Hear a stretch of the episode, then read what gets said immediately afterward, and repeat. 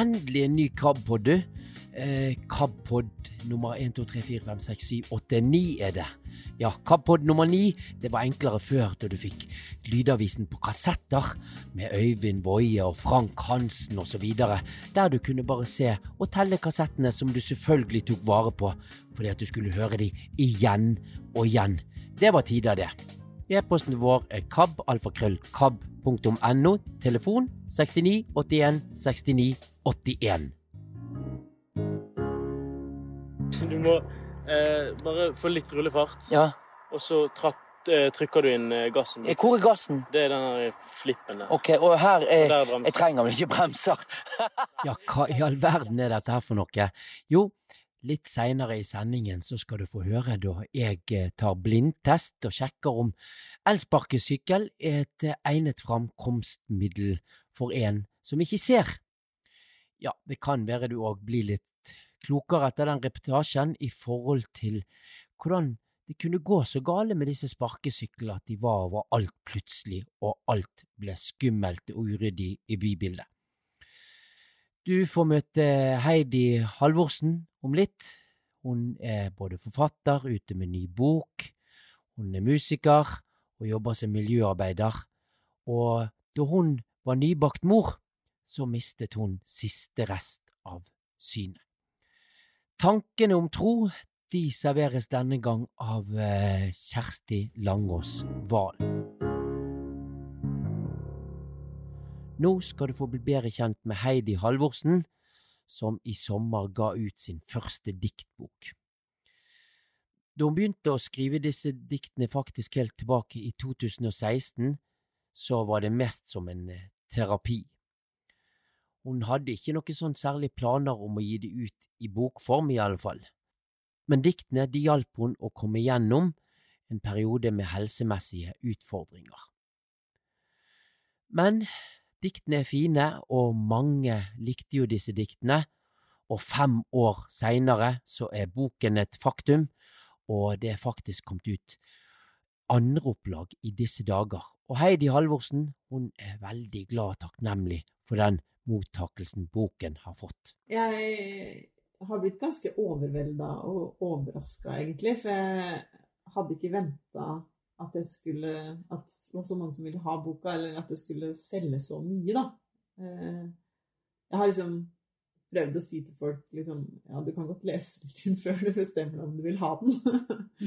Men så har folk gitt veldig, veldig god respons, og egentlig alle slags folk. Eh, Og det har kanskje også overraska meg litt.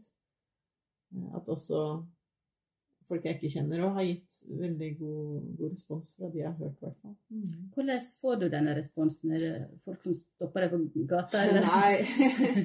altså, det har jo noen som har kjøpt bøker som de har gitt bort i gaver til andre. eh, Og så kommer de og forteller meg at de andre som har fått den, da, har blitt veldig rørt. Eller så er det litt sånn tilfeldige tilbakemeldinger òg. Det var ei, eh, en student på min jobb som fortalte at moren hennes hadde kjøpt boka. Jeg kjenner ikke henne i det hele tatt. Og sa at det var den fineste boka jeg hadde lest. Da ble jeg veldig rørt. Mm. For da kjenner de jo ikke meg heller.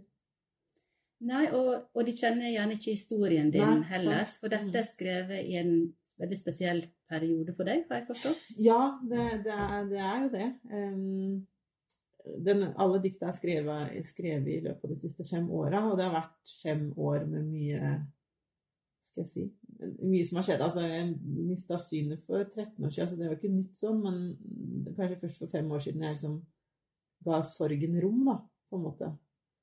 Og i tillegg så har det skjedd en del andre ting, både med tro og med ja, mer sykdom, som jeg har opplevd. Sånn at det har vært fem år med ganske mange ting som har skjedd. Mm. Kan du ta oss med tilbake til eh, den tida da, da synet ditt begynte å forandre seg? Mm. Um, sånn helt kort historisk, holdt jeg på å si, så, så fikk jeg diagnosen den øyesykdommen jeg har da jeg var 17 år. Eh, og da, normalt så ser, har man et synsfelt på 180 grader, og da oppdaga jeg at jeg hadde fem. Så, veldig trangt tunnelsyn. Eh, så jeg kunne ikke ta førerkort på bil. Men jeg så jo klart, og jeg kunne lese og skrive, så jeg syns ikke sjøl at jeg så så veldig dårlig. Eh, altså, Endra ikke det seg før jeg var 28 og gikk gravid med vår eldste, vårt eldste barn. Og fra jeg var 28 til jeg var 30, så mista jeg resten av synet, da. Men, men den helt siste resten forsvant på en kveld da vårt eldste barn var to år, og han yngste som hadde kommet etterpå, han var syv måneder. Så det var veldig dramatisk eh, for oss som familie, da. Eh, og da var jo mannen min på jobb eh, som førskolelærer, og jeg var hjemmeværende med barna våre. Og vi, og vi fortsatte jo med det for det. Så det var en kjempetøff tid. Det var det. Hva innebar det for dere som familie? akkurat når det skjedde, så var det jo Det ble veldig, veldig mye på mannen min, eh, selvfølgelig.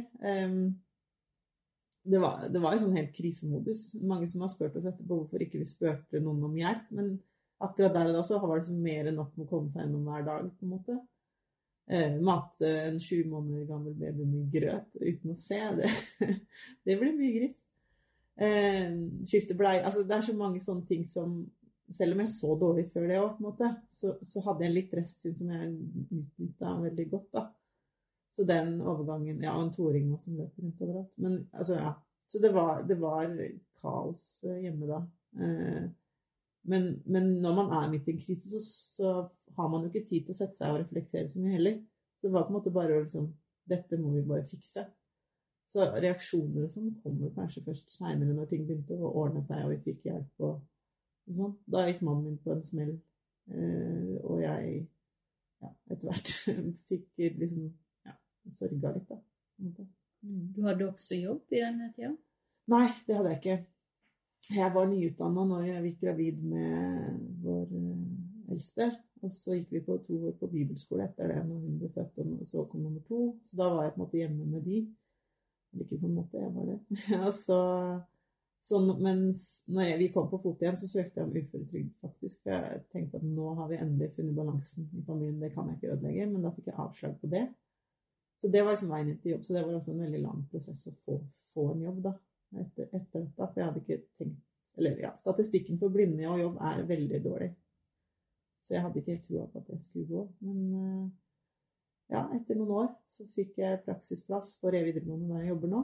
Og da ble det til en prosjektstilling etter hvert som har blitt en faststilling. Så jeg, jeg, er veldig glad for det nå, at det gikk den veien. Du motbeviste statistikken?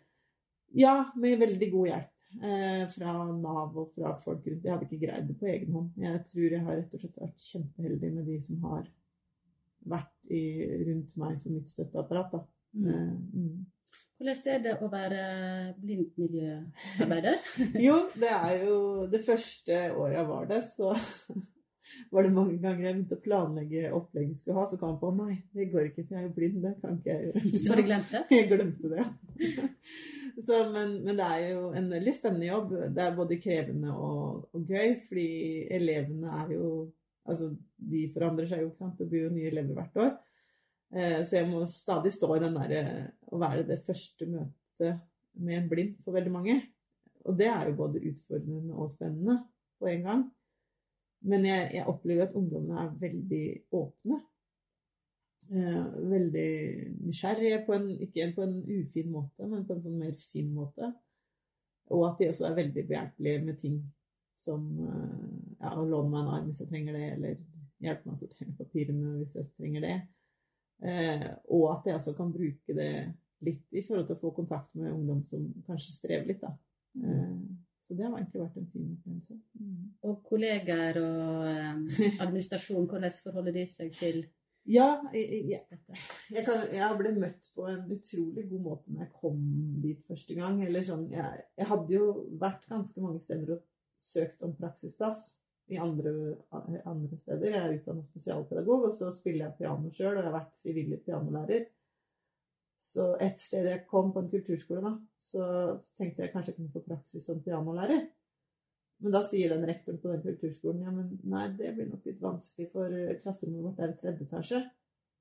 Og så ble jeg sånn Jeg tror ikke jeg kan gå i trapper, nei. Og så, altså, Sånne holdninger har jeg møtt veldig mye av. Men, men det første den læreren som jeg skulle jobbe med forrige videregående sa til meg når vi hilste på hverandre første gang, var du har spart enda om syn til du kom, for du er jo spesialpedagog og du har jo erfaring. Så jeg tenkte at det, det vil jeg gjerne at du skal ta. Så måtte en helt annen måte å bli sett på, da. Ja, Se deg som ressurs. Mm. Mm, en ekstra ressurs. Ja, og det har jeg opplevd eh, mye av. ja.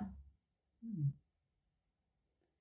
Eh, Du skriver òg litt om eh, holdninger andre har i, Mm. i boka 'Utsikt'. Mm. Kan du si litt om det? Ja, altså Jeg tror jo som blind så er man jo en minoritet, på en måte heldigvis, da. Fordi vi har, har medisin som kan eh, gjøre noe med de altså, øyesykdommer det går an å gjøre noe med, på en måte. Men da er det også vil man også møte hele tida den derre hva, hva en annen person tror at jeg kan eller ikke kan. Um, altså ja, man vil møte fordommer på en måte da, mot det å være blind. Ikke fordi at noen vil meg noe vondt, men bare uvitenhet og også ja, tanker om at f.eks. den hvite stokken min er, den vekker så mye oppsikt at den burde du kanskje legge bort nå. Eh, og så er jo det mitt beste hjelpemiddel. Eh, da blir jeg jo veldig blind, da, på en måte, fordi da har jeg ingenting til liksom, å hjelpe meg med. Eller at man tenker at eh, ja, nei, ja, dette blir vel for vanskelig for deg, du kan ikke være med nå, eller at noen liksom gjør veldig stort nummer av at de har tilrettelagt for meg, liksom. At de kan sånn rope ut til en hel, hel sal, eller ikke rope ut, men sånn Ja, nå har vi en blind her i dag, så nå har vi gjort om på programmet. Det er ikke sånn, en del sånne ting som på en måte blir så ja, lite ålreit for, for dem det gjelder. Da. Så det har jo lært meg mye òg i, i forhold til det å møte mennesker. Mm. Og slik jeg leser tekstene dine, Ja. så får du på en måte fram begge, både det positive innfallsvinkelen mm. og de som har disse fordommene. Ja. Og, Ja, det er sant. For det, det er jo, jeg ble også blitt møtt utrolig godt på mange måter. Um, ja, mitt favorittsted er jo det der jeg begynte å skrive dikt. Et, uh, der, de som driver den en retreat- og gjestegård som ligger i Ringsaker. Og de som driver den gården, har Han har lagd blindveier til meg jeg kaller det blindveier, i skogen. Altså lagt ut tatt her fra tre til tre, et stykke i skogen, lagt ut sånne tynne stokker langs bakken mange steder i skogen, så jeg kan bare gå på tur der hvor jeg vil nesten, eller mange steder, da. Uten at jeg har bedt om det. Det er han som har dratt meg liksom ut i det og lokka meg med, holdt jeg på å si. mm. Og det er, ikke, det er jo ikke et sted for blinde. Det er liksom Han kjenner meg, liksom. Mm. Så, ja. Apropos natur. Ja. Eh, flere av dikta dine handler jo om Mm. det å være i naturen. Hva Mm. er ditt forhold til Ja, det er en historie som betyr mye for meg, fordi sånn, jeg har vokst opp i Trøgstad i Østfold, der er det ganske mye skog. Men jeg har ikke aldri vært veldig, veldig glad i skogen sånn, fra jeg var liten. Og når jeg mista synet, så la jeg bare hele det med naturen bort. Em, jeg tenkte at ja, men jeg ser den jo ikke likevel, på en måte. Det, det er på en måte ja, Å ta på ting og sånn, det tenkte jeg det ser så rart ut, så det vil jeg i hvert fall ikke gjøre. Eh, og fordi altså det med solnedgang, f.eks. himmel som er vakker, stjerneklart ikke sant? Altså Det blir så mye sorg i det å ikke se det, da, så jeg bare la det bort. Og så kom jeg til det stedet ja, Høgsvenn Retreat Vestergård på et kurs som egentlig var om noe helt annet. Eh, og så han Ulf, da, som han heter, han som har lagd de veiene til meg i skogen, han, han kjente jo ikke meg. Han- så, og jeg er såpass høflig at jeg sa ikke at jeg ikke ville ut i skog eller i hagen. Så han tok meg med i hagen deres og kjenn her, ta på det, lukt på det. Og jeg syntes det var utrolig ubehagelig. Um, og så ja, men jeg har gjort sånn og sånn her, kan du kanskje finne fram sjøl? Og jeg, jeg tenkte liksom det går jo ikke, jeg klarer ikke det, jeg vil ikke det. Men så var det en morgen jeg våkna veldig tidlig. Jeg våkna klokka fem, og så var det frokost klokka åtte. Og så hadde jeg tenkt jeg skal sitte inn på rommet mitt i tre timer. Jeg har ingenting å finne på. Så jeg nå sover alle. Jeg kan faktisk kanskje prøve å tørre å gå ut og se om jeg finner den der hagen, da. og så gjorde jeg det, og så etter mye strev så fant jeg den. Og så turte jeg å ta på steinene, på gresset, på bladene. På en måte ta i naturen da, med de sansene jeg har igjen. Og det ble en veldig sterk opplevelse. Og starten på en måte det å åpne seg opp med de sansene jeg har igjen. da. Eh, og, og ta imot det vakre. Som, ja, altså Gud har jo faktisk gjort naturen veldig fin også for meg, faktisk. Mm. Så du kom på en måte nærmere Gud i den, Ja. den opplevelsen? Det vil jeg si. For, ja, for det er så tydelig at han For meg i hvert fall så er det veldig tydelig at han er jo der, i midt i naturen. Eller han har skapt det, ja, og han har gjort det sansbart til og med for meg når jeg ikke kan se det. Mm. For eh, det er jo som eh, vi var inne på, flere av dikta som handler om eh, ditt forhold til, til Gud. Ja. Og eh, vil du si at det har det, det gjenspeiler den prosessen du gikk igjennom ved å miste synet gradvis i Ja. disse dikta? Eh, En del av det gjør det. Jeg vet ikke ja. Det som kanskje eh, de- De fleste sånn litt sinte dikta til Gud i den boka er egentlig Eller jeg fikk MS for fire år siden. Eh, Og da, da liksom Eller jeg hadde vel nok tenkt at ja, jeg er jo blind, så det har liksom, jeg har fått mitt, hvis du skjønner. Ja. Og så fikk jeg MS i tillegg, og da tenkte jeg Da liksom ble verden utrolig utrygg. Um, og jeg tenkte ja, men dette er for mye, liksom. Og da skrev jeg mye. Mange dikt til Gud. Fordi hvor er du hen? Eller hva er det du har tenkt, liksom? Eller ja, altså jeg tror ikke Gud har planlagt det, egentlig. Men liksom At mitt verdensbilde, da, at, som var forholdsvis trygt, liksom eh, Selv om jeg hadde mista synet, så, ja, så hadde jo det gått bra. Altså, men at jeg fikk enda en ting, det, var så, det kom så bomt på meg at det liksom Ja, det ble vanskelig å takle. Men det å skrive da har vært en veldig, veldig god hjelp. Da. Har uh, boka vært en form for terapi? Det vil jeg si. ja, faktisk. Eh, det å kunne skrive ut ting på en sånn måte som, som diktet gir rammer for, da. Det har vært Man kan liksom sette ord på noe som går så dypt, og allikevel på en sånn måte sånn at kanskje andre med sitt liv kan kjenne seg igjen på helt andre ting. Og så finner man liksom fellesskap med andre gjennom det.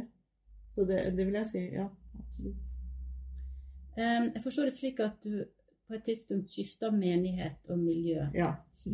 Eh, og at eh, livet ditt eh, Altså dette har påvirka deg også i Mm. den skrive, det du Ja. skriver. Kan Mm. du fortelle litt om det?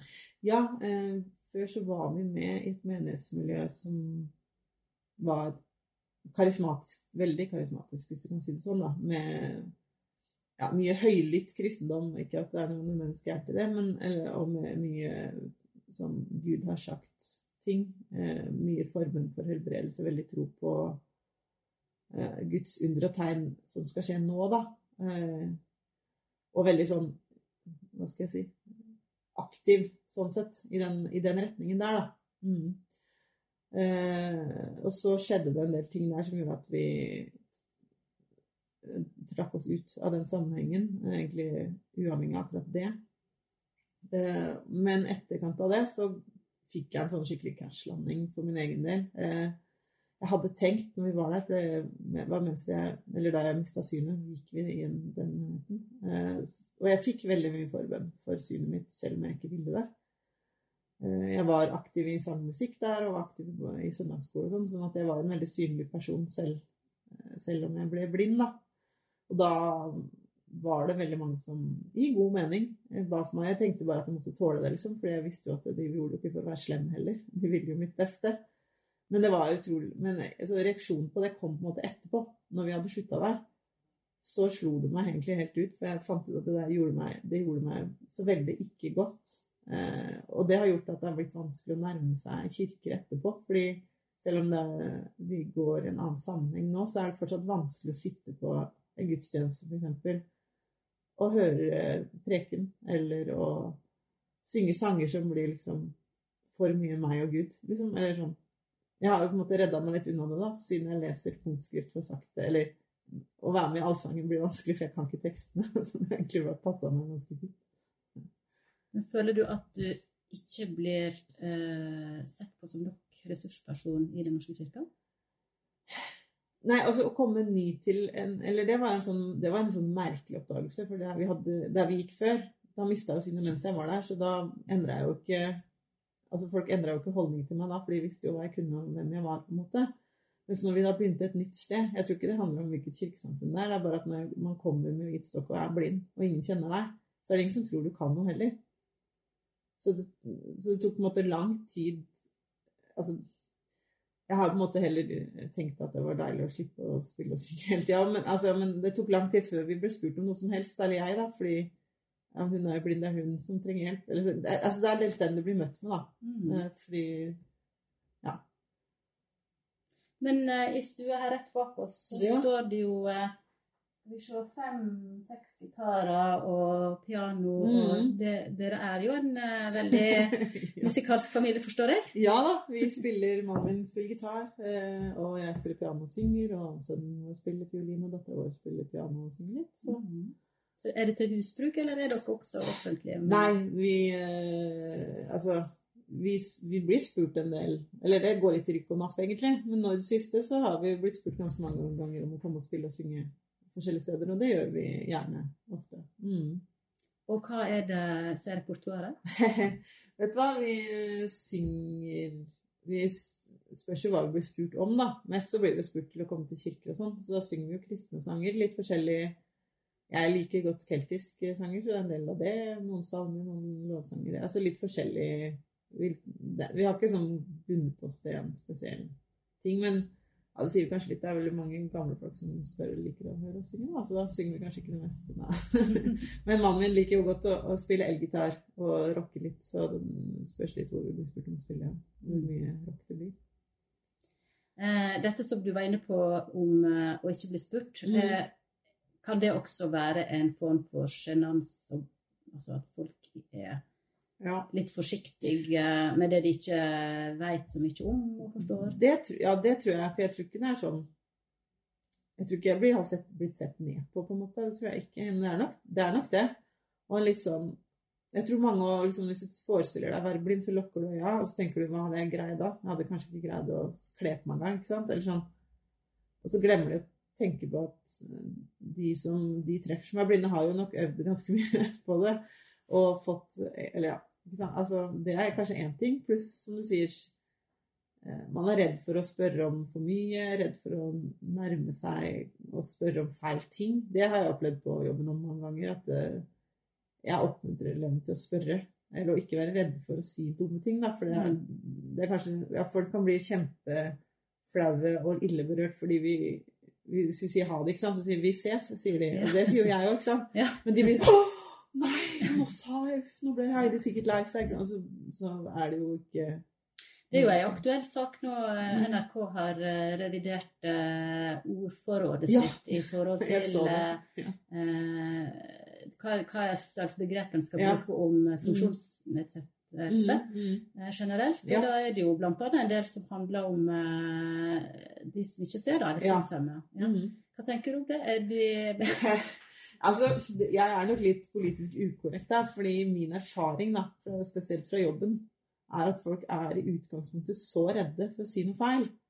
Så hvis det kommer, når det kommer en sånn liste, så blir man ikke noe mindre redd for å si noe feil. mm. Så jeg syns egentlig det er litt dumt. Men eller jeg skjønner poenget, liksom. At, men Du har ikke blitt krenka av at noen sier Nei, jeg sier jo blindestokk sjøl, fordi jeg veit at da skjønner folk hva jeg mener. Det er klart at Da er jeg jo med på å opprettholde det feil ordvalget, skjønner det. Men av og til så tenker jeg men det er jo, hva er det for noe gærent med å si det? da? Jeg er blind, faktisk, og det er ikke noe skam i det. Liksom, eller jeg blir litt sånn, da. Kanskje mer. ja. det, Og de fleste er vel i beste mening når de Ja, de gjør det. Og, og så hvorfor skal man være redd for å kalle meg for blind? Jeg er jo det, og det er, da blir det jo plutselig at det er et skamord, og det syns jeg er ganske ille hvis det blir det. Mm. Ehm, boka er jo delt inn tematisk. Ja. Eh, det er håp, Ja. eh, det er det å se hva en ser. Mm. Eh, utsikt er jo tittelen på boka. Mm.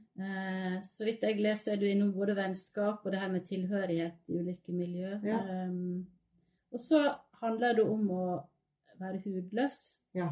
Kan du si litt om tekstene i den delen av boka? Ja, det er jo Mange av de tekstene er jo egentlig slags bønner eh, til Gud. En del av de. Det er i veldig sårbare situasjoner, på en måte. Um, selve tittelen 'Hudløs' det er et dikt som heter 'Hudløs'. Og det, det har en veldig spesiell historie. Eh, det er jeg på en måte en av de gangene jeg virkelig har på en måte sluppet løs sorgen over å miste synet. da. Eh, foran et krusifiks, faktisk. eh, og jeg var, altså jeg var, når jeg lagde bok, eller satte sammen dikta jeg ville ha i boka, så var jeg litt sånn i tvil skal jeg ha med det. Men så tenkte jeg jo, det er faktisk et dikt som betyr mye for meg. Så det vil jeg gjerne ha med. Eh, og jeg tenker at eh, selv om de dikta er skrevet i veldig hudløse situasjoner for min del, så er det noe med diktformen som jeg i hvert fall har fått tilbakemeldinger på, da, som gjør at eh, når andre leser det, så, så, blir det noe som kan liksom, ja, nå inn til andre likevel, på en måte, selv om jeg var veldig Eller kanskje det er fint òg at noen setter ord på det, som andre kanskje ikke har greid å sette ord på sjøl, eller ikke har turt. Og så er det noen andre som på en måte sier det ja, kanskje sånn som de ville sagt det sjøl, eller verre, eller ja. Litt sånn som når jeg leser de verste salmene i Bibelen, eh, som David har skrevet. Så blir jeg litt glad, fordi at jeg tenker at han, han, han, har gått lenger enn jeg har gjort. Mm. Ja. Det er litt godt å få utløp for de sterkeste følelsene. Ja, ja sant. Og, når, når, og ja, ja, at det er greit, da, at det er lov. At noen som våger å gjøre det, ikke alt skal være så At man må vente til man er ferdig liksom, med å komme gjennom det vonde før man kan si noe om det. da. Mm. Vil du ta et av dine dikt som du har et eh, Ja, du har selvfølgelig et eh, sterkt forhold til ja. alle, men ja. har du en favoritt, kanskje? Um, ja, må jeg tenke meg om litt. Det, altså, det er noen av de dikta som jeg ikke så ofte Jeg deler jo en del diktene rundt når jeg synger og spiller og sånn, men da tar jeg som regel ikke hudløsdikta, for å si det sånn, for det tør jeg ikke. men, men, et dikt som jeg skrev um, Eh, etter at jeg fikk MS, som heter 'For mye'. Det er et dikt som, jeg, som, betyr mye for meg personlig. Det gjør det. Mm. Skal se om jeg husker det, da. For mye. Er det lov? Kan jeg få lov å si at nå er det for mye? At livet virker for stort? At dagen virker for lang? At motbakken virker for bratt? Kan jeg få livet i en mer passende størrelse? Kan jeg gå og legge meg før dagen er over? Kan jeg snu og gå tilbake den veien jeg kom? Styrke som dagen er lang, en fred som overgår all forstand. En ånd som gir kraft, kjærlighet og visdom. Hvor blei det av alt sammen? Alle de vakre og trygge ordene. De glir vekk som sand mellom fingrene. For hvor er du når jeg trenger deg som mest?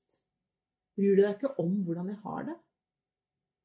Har du ikke tenkt å la meg se deg? Jeg er for sliten til å rope. Jeg er for redd og motløs til å hvile. Motløsheten holder tårene innelåst. Dette Dette er bare for mye. Jeg roper det ut likevel. En desperat bønn om at du er den jeg håper på. Tusen takk. Eh, og konteksten når ja. du skrev dette, det mm. var Det var rett etter at jeg fikk eh, MS-diagnosen for mm. fire år siden. Mm. Boka avslutter med noen tekster som eh, ja, det signaliserer håp og styrka styrker tro, mm. Eh, slik jeg leste. Og det, hvordan stemmer det? Det stemmer godt. Jeg, spesielt det siste, aller siste diktet, det vil jeg ha helt til slutt, fordi det er kanskje ja, et dikt som virkelig ja, Som betyr mye for meg, og som jeg er kanskje aller mest glad i, og som definerer veldig min tro, eller han jeg tror på, da, nå. Mm. Så det var et bevisst valg å ja. avslutte med håp. Ja, og kanskje fordi Ja, jeg syns det. Ja, jeg liker det diktet veldig godt. Så, og det er et dikt som jeg sjøl hviler i, tror jeg. Mm. Og eh, det at du har fått så mye positiv respons for ja. Eh, utsikt, mm. bekrefter vel på en måte at det er mye håp og glede? Ja, jeg, jeg tror det. det. At det ikke ble for mye Jeg har jo ja, noen jeg kjenner veldig godt, da, som er bestevenninna mi blant annet. Så hun sa når hun leste boka, for hun kjenner jo veldig godt til alle nedturene mine også. at hun ble positivt overraska over at det var så mye håp i boka. For hun har jo også lest Det er jo en del dikt som ikke er med i boka, og som kanskje Ja, som jeg valgte å ikke ta med nå, da. Sånn at eh, Å få en balanse. Men det Jeg syns jo det gjenspeiler livet mitt òg, fordi det er jo mye håp og glede i livet mitt. Mm. Mm. Er du en modig person? Andre syns det. Eh, Men jeg sjøl veit ikke om jeg er helt enig i det bestandig, for jeg føler meg jo veldig ofte ganske redd. Og altså, jeg tror jeg ofte dumper mer borti ting. eh, Og liksom enn at jeg liksom bevisst velger å gjøre de tinga som folk vil se på som veldig modig, da.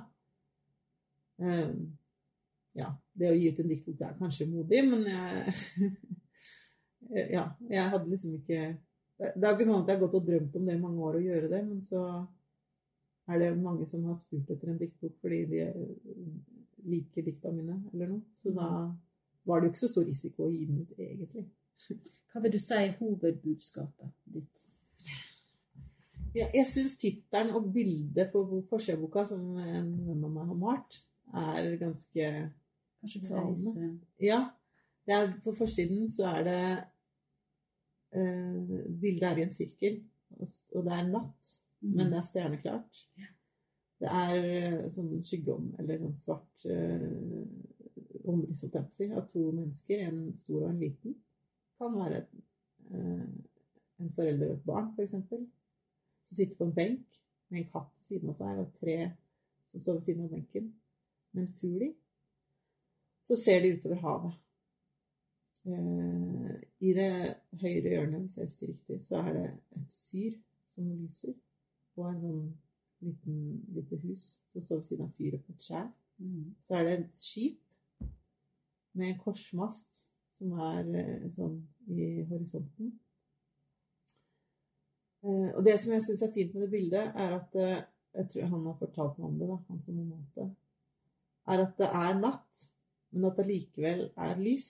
Mm. Eh, Og jeg tenker at det er litt av den utsikten jeg har fått i løpet av de siste åra. At det, selv om det kan være mørkt og vanskelig, veldig mye av det som skjer, også det med gudstroen har vært ganske mørk, så er det alltid lys som har kommet til meg, da. Eh, ofte på uventa hold også, fra mennesker som jeg som har på en måte kommet og vært der når jeg har trengt det, f.eks. Eller andre ting som har skjedd som har på en måte brakt med seg både glede og håp. da. Og nye oppdagelser som jeg aldri hadde trodd jeg skulle gjøre, som å gå i skogen alene f.eks. Og hvor hvilken glede det gir. da. Så jeg har på en måte oppdaga helt nye ting som Ja, altså gå på ski, det likte jeg heller ikke da jeg var liten, men jeg, liker jeg elsker å gå på ski. Jeg hadde ikke trodd jeg kom til å gjøre det til jeg mista synet, men så prøvde jeg egentlig mest for ungene sin skyld, for de liker å gå på ski. Og så er det jo så morsomt. Så du har begynt å gå på skien Ja. etter at du mista synet? Ja, det gikk jo litt når jeg var liten fordi jeg måtte det. For det gjorde jo alle. Men det var ikke noe god opplevelse. Jeg var ikke glad i å gå på ski i det hele tatt. Så jeg hadde ikke gått på ski på 20 år nesten. Så, men så prøvde jeg da for tre år siden. Ja. Med ledsager, da. Og det er så morsomt. Så nå gleder jeg meg til snøen kommer. Da kan jeg gå på ski. Du tar utfordringa. Ja, jeg gjør vel kanskje det. Eh, sånn sett. Og så lander jeg jo ofte veldig godt ut i det, da. Ja. Så,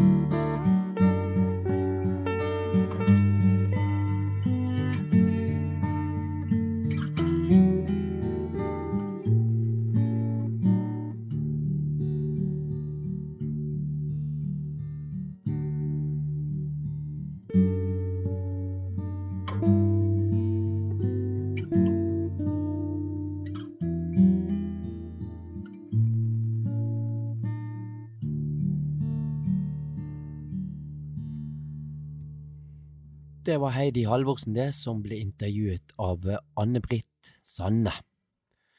Nå skal jeg eh, gjøre noe litt sånn eh, metagreier, føler jeg sjøl, da. Eh, jeg skal sette over til meg sjøl i min egen podkast som heter Blindebukk, der jeg i dag tester sparkesykkel, elsparkesykkel, og ser hvordan det går når man ikke ser. Så da er det bare å lende det tilbake da, og høre på podkasten Blindebukk. Du hører på eh, Blindebukk. Det er en podkast som produseres av KAB. Jeg heter Kurt Ove Mæland. Hvis du er helt stille nå, så kanskje hører du det. Men det er ikke lett å høre det når de kommer rasende forbi deg i full fart. Jeg mener sparkesyklene. Men tenk den friheten og gleden å få vind i ansiktet og fyke av gårde. Men så er det den kontrollen, da. I denne podkasten skal vi ta en eh, blindtest av det å kjøre sparkesykkel som blind. Kan det være en god idé? Jeg stiller i hvert fall mine lemmer til disposisjon. Eh, og så skal vi se litt på prosessen bak at disse sparkesyklene kom til byene i landet vårt. Eh, vi skal prøve å bli litt klokere i forhold til hvordan noe sånt kan skje, for nå er jo ting i mer ordnede former etter hvert. Vi møter eh, byråd for eh, klima, miljø og utvikling, Tor Håkon Bakke, som er byråd i Bergen. Men først så må jeg jo teste denne doningen, da. Du må eh, bare få litt rullefart, Ja, og så trapp, trykker du inn eh, gassen. Hvor er gassen? Det er den der flippen der. Ok, og her er og er. Jeg trenger vel ikke bremser. Stein, dette blir skummelt, men ikke Du må passe på, fordi den er veldig følsom, så du gasser ganske kjapt. Men du, eh, ja da, jeg har jo, kun, jeg har jo hatt motorisert eh, erfaring med det før. Jeg husker en gang da jeg stjal nøkkelen til bilen vår, og min bestemor satt inne i bilen. Og jeg startet å fòre i fjellveggen, og bestemor hadde hjerteproblemer eh, i utgangspunktet og fikk ikke mindre. Men, eh, men det var den gang, så jeg tror ikke det går bedre nå. Bremsen, det var der, ja. Det, det er to bremser. Er det forbrems og bakbrems, Alexander? Uh, oh, ja. Skal vi se her, altså du skal ta den bort sånn. Han, han skjer jo ingenting. Å. Å ja, du må ha fart først, ja. Å ja, rulle litt. Nei, ja, ja, jeg ruller ikke nok. Sånn. Etter god hjelp og støtte av Alexander, min sønn, så gikk det fint en hel lang stund inntil Pass på nå. Uff a meg. Der slo jeg meg. Ja, hvordan kunne jeg vite at naboen sin mur hadde flyttet seg? I alle fall, alt gikk såre vel, og det var gøy. Eh, Tor Håkon Bakke, han er byråd for eh, klima, miljø og utvikling i Bergen. Og han òg har erfaring med det å kjøre sparkesykkel, faktisk. Det går ganske fort, ingen tvil om det. Jeg har prøvd de én gang. Eh, Med en gang de kom til Oslo, så var jeg en tur bortom der og, og prøvde. Eh, og det var en eller annen privat utleier. Jeg klarer ikke å huske på hva, hva de het, men, men det er jo ingen tvil om at eh, det, det er høy fart og store problemstillinger knyttet til, til disse løperhjulene. Ja, for, for jeg, jeg tenker litt Når man går inn i en sånn eh, situasjon der man planlegger å få disse farkostene inn i, i norske byer, hvordan er den prosessen i forhold til det at man, altså for eksempel ordet tilgjengelighet, trygghet, frihet, er det ord som man tenker i sånne eh, situasjoner som det? Jeg synes Det er et veldig godt spørsmål, for dette er det spørsmålet du, som du stiller, det er nesten ingen andre som har stilt. Eh, og det som man pleier å gjøre før man endrer byer, gater, framkommelighet, tilgjengelighet for innbyggerne og borgerne i Norge og i norske byer, det er å utrede og finne ut okay, hva, hvilke konsekvenser vil dette ha, hvordan kan dette se ut, osv. Men det gjorde man ikke her. Altså Løperhjulet kom til Norge, de kommersielle utleiene kom til norske byer, uten at man hadde gjort noe som helst egentlig faglig grunnlag, ingen høringer, ingen demokratiske vedtak utenom å egentlig fra regjeringens side endre et lovverk som åpnet opp for, for dette. Så det første som vi gjorde i Bergen, eh, var jo å gå til rettssak mot et kommersielt selskap som hadde begynt utleie uten å først be om lov av kommunen. Og Grunnen til at vi ville at de skulle be om lov fra kommunen, ene var jo at vi mente at de måtte det, men grunnen til det er at nettopp da blir det folkestyrt. Da er lokaldemokratiet inne. Eh, og da kan perspektiver og hensyn som tilgjengelighet, en åpen og inkluderende by for alle, komme frem. Men det fikk vi altså ikke til eh, med løperhjulet. Og det er utrolig eh, trist. Og jeg håper jo at regjeringen også tok skikkelig lærdom av det. Ja, for, for regjeringen ga klarsignal uten at det var noen retningslinjer. Altså, de åpnet opp eh, i lovverket for at man kunne tillate denne typen farkoster eller ståmopeder mopeder eller elløperhjul. På en måte skjært barn har mange navn, holdt jeg på å si, og det er ulike meninger om det. Men, men det som jeg tror de ikke forutså, var den storstilte kommersielle utleiebiten. For det er jo den som har skapt problemer og har skapt en slags hva skal man si, krig på fortauet eh, for mange. Og jeg tror jo at man definitivt kan ha eh, elløperhjul i norske byer. Det er mulig å ha det, men da må du gjøre det på riktig måte. Men måten regjeringen eh, gjorde det på, var altså helt katastrofalt elendig og har jo skapt masse eh, skikkelig dårlige situasjoner, og også mye skader for bl.a. Eh, synshemmede. Ja, for det, det jeg tenker på er, er, er politiske avgjørelser og sånt. Eh, nå var jo ikke dette en politisk avgjørelse for byrådet i Bergen, det bare kom, høres det ut som. Ja, det er riktig forstått. Og så, og så prøvde vi å, å, overtale rettsvesenet om at man må be om lov før man kan ha kommersiell utleie av da, disse sparkesyklene på offentlig gategrunn i Bergen. Fikk vi ikke medhold i det eh, når vi ba de om å fjerne løperhjulene, og så eh, har liksom rettssaken etterpå. De eh, ville at vi skulle vente til hovedforhandlingen i rettssystemet, og det kommer i november. Og så har også Høyesterett nå faktisk sagt ja til å ta en sak på denne problematikken. Så det er åpenbart et uavklart hva skal man si, lovområde i Norge. Altså Det er uavklart hva som faktisk er lov og ikke lov knyttet til eiendomsretten til kommunen. da. Men dette må jo bli noe på nasjonalt nivå, eh, en ordning der alle opplever det samme. Ja, Stortinget forsøkte jo i juni eh, å vedta en ny lov som skulle prøve å rydde litt opp, som i hvert fall da gir kommunen en tydelig hjemmel til å bestemme eh, forskrift da, for hvordan dette skal fungere i norske byer. Men så ble jo svaret på det for en del løperhjul- eller elsparkesykkelaktører i Oslo var jo da å saksøke Oslo kommune. Så det er jo haugevis egentlig av sånn rettsavgjørelser eh, og rettsprosesser som går rundt omkring i Norge nå eh, samtidig, og gir jo et veldig sånn uavklart bilde. men det er viktig å si at begrunnelsen for det bakgrunnen for at dette her eh, egentlig har gått så skeis, da, eh, sånn forvaltningsmessig og med tanke på liksom en åpen og tilgjengelig by for alle, og at man har kommet så bakpå eh, i det å finne gode løsninger, er jo at regjeringen gjorde noe som var ekstremt lite gjennomtenkt og veldig uklokt. og veldig på tross av hvordan man pleier å gjøre ting i Norge. I Norge så pleier vi å tenke gjennom ting godt og ordentlig før vi gjør noe med det. Det hadde regjeringen åpenbart ikke gjort der. Hva betyr en tilgjengelig by? En tilgjengelig by det betyr en by som er åpen eh, og tilgjengelig for alle. Alle skal kunne klare å komme seg frem eh, i bergenske gater og smau og plasser. Eh, og man skal kunne føle seg trygg på gatene i Bergen. Og for byrådet og for kommunen, og det har man vedtatt haugevis av ganger, så skal vi være en gåby. Og når vi sier gåby og snakker om de gående, så snakker vi også om f.eks. De, de som bruker rullestol. Men hva, hva, dette med synshemmede, det er jo litt sånn diffust, kanskje, hva slags ting som skal være tilrettelagt i forhold til, og tilgjengelig i forhold til at det, det, skal være bra der, eller er det, er det enkelt, den biten der òg, syns du? Enkelt er jo det absolutt ikke, og det er jo komplisert. Eh, men det betyr jo ikke at vi ikke skal gjøre noe med det. Eh, hva tenker du i forhold til synshemmede? Hva er viktig der som byråd? For at byen skal være tilgjengelig for synshemmede? Det handler om alt fra taktil merking, det handler om eh, gode kryssløsninger, det handler om at man skal komme seg fra et sted til et annet på en trygg måte, gode overganger. Det handler om at man ikke har hindre i veien. Og jeg snakker jo bl.a. mye med råd for personer med funksjonsnedsettelse, hvor vi snakker om alt fra hvordan uteservering er innrettet med disse tauene, altså liksom alt mulig diskuterer vi og snakker om, og så er det min jobb, da Eh, på vegne av politikerne i byen, også det innbyggerne i byen, eh, å klare å få til eh, det på en god nok måte, sånn at alle føler seg inkludert og velkomne. Det handler jo også om helt grunnleggende menneskerettigheter. Og så er det den derre litt sånn kjip balanse nå. Eller den er ikke kjip, men, men, det er den som kan være vanskelig å finne.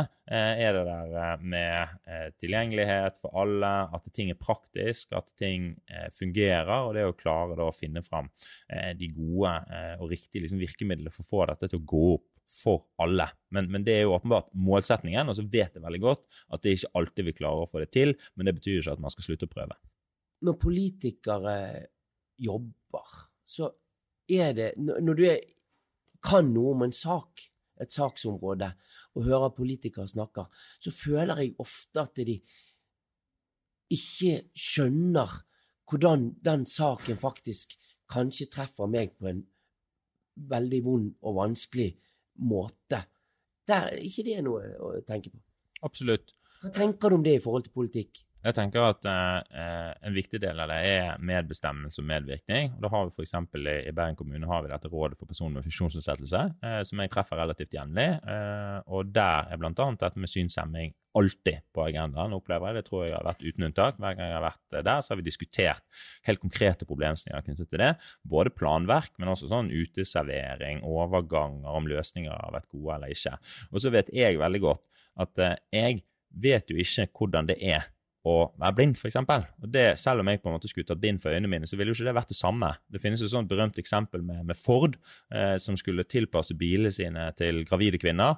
Og så tok eh, disse her eh, mekanikerne på Ford-fabrikken tok på seg sånne svære her, sekker på magen, og så skulle det liksom være det samme som å være gravid. Men det er du ikke. For hvis du er gravid, så har du alle mulige andre problemstillinger i tillegg. Du er dårligere, altså, du er dårligere form, kanskje du er kvalm. altså på en måte, Jeg har aldri vært gravid heller, så jeg vet ikke hvordan det er. og Det er jo nettopp det som er poenget. Og da må du på en måte ha medvirkning, da må du ha brukerrepresentanter, og så må du på en måte ta gode beslutninger på opplyst eh, grunnlag. Eh, og, og, det er jo det politikere mener jeg på en måte sin jobb skal være, er jo å da få til å bistå og legge til rette for gode prosesser, sånn at vedtakene som man da fatter, er opplyste og veloverveide. og så er det ikke alltid man klarer å få til alt samtidig, men man skal virkelig prøve, og det opplever jeg at, at vi, vi i hvert fall er gode på, god på i Bergen du får ta meg i armen etterpå og lukke igjen øynene, så skal du, skal du Det kan gå bra, det.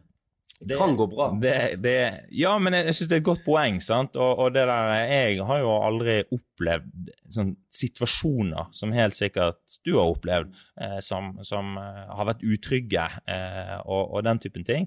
Eh, og, og, jeg er jo helt sikker på at hvis for eksempel, Og det er et eller annet også med på en måte politikere. Jeg tror det hadde vært en styrke for lokaldemokratiet hvis også flere da, eh, med funksjonsnedsettelser var representert også i Bergen bystyre. Det er jo også en politisk oppgave for de politiske partiene å sørge for god representasjon. For det jo tror jeg ville definitivt bidra til å løfte de debattene, eh, og også liksom kanalisere energien og fokuset i noen retninger som er riktige og gode. MDG, sant. Vi skal, vi skal, på en måte Der naturen er viktig, og, og, og miljøhensyn og de tingene der.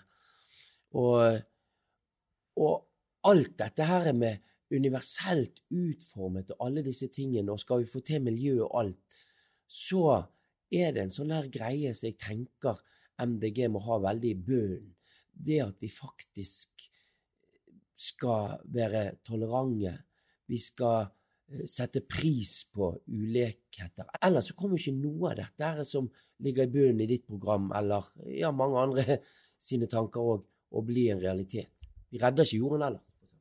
Ja, Det er jeg helt enig med deg i. Det må ligge et, et verdigrunnlag, eh, noen prinsipper eh, og en ideologi i bunn. Eh, og Der er jo mitt parti eh, veldig tydelig på, på solidaritet med, med, alle mennesker. Når vi fikk spørsmål i valgkampen om eh, hvem vanlige folk er, eh, så svarte jo MDG at det er helt vanlig å være unik. det er helt vanlig å være uvanlig.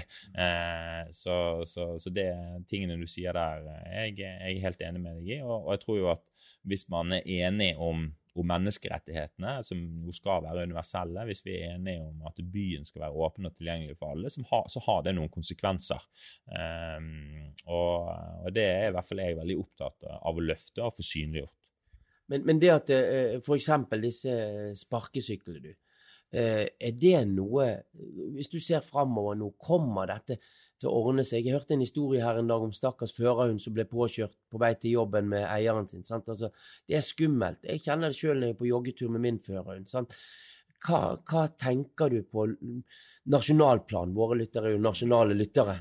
Jeg tenker det er i hovedsak tre prosesser som går. Det går noen flere prosesser. Det er rettssystemet, som jeg tror kommer til å være ganske avgjørende for om kommunene bestemmer på egen grunn eller ikke. Det vil være en styrke for lokaldemokratiet hvis rettssystemet står det er fast. Stortinget klarte ikke å slå det fast, det var trist.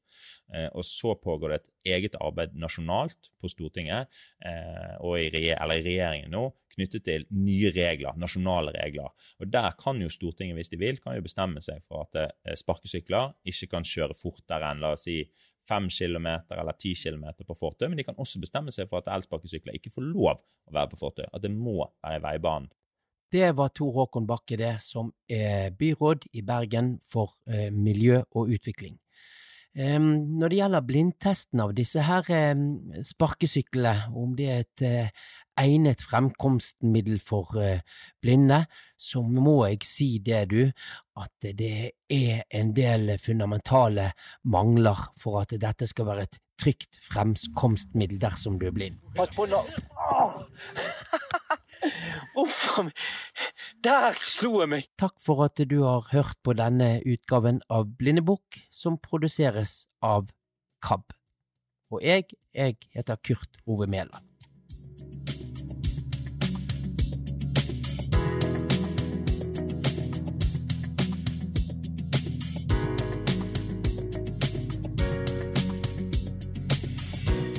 Det er jammen meg mangt man kan hive seg uti. i.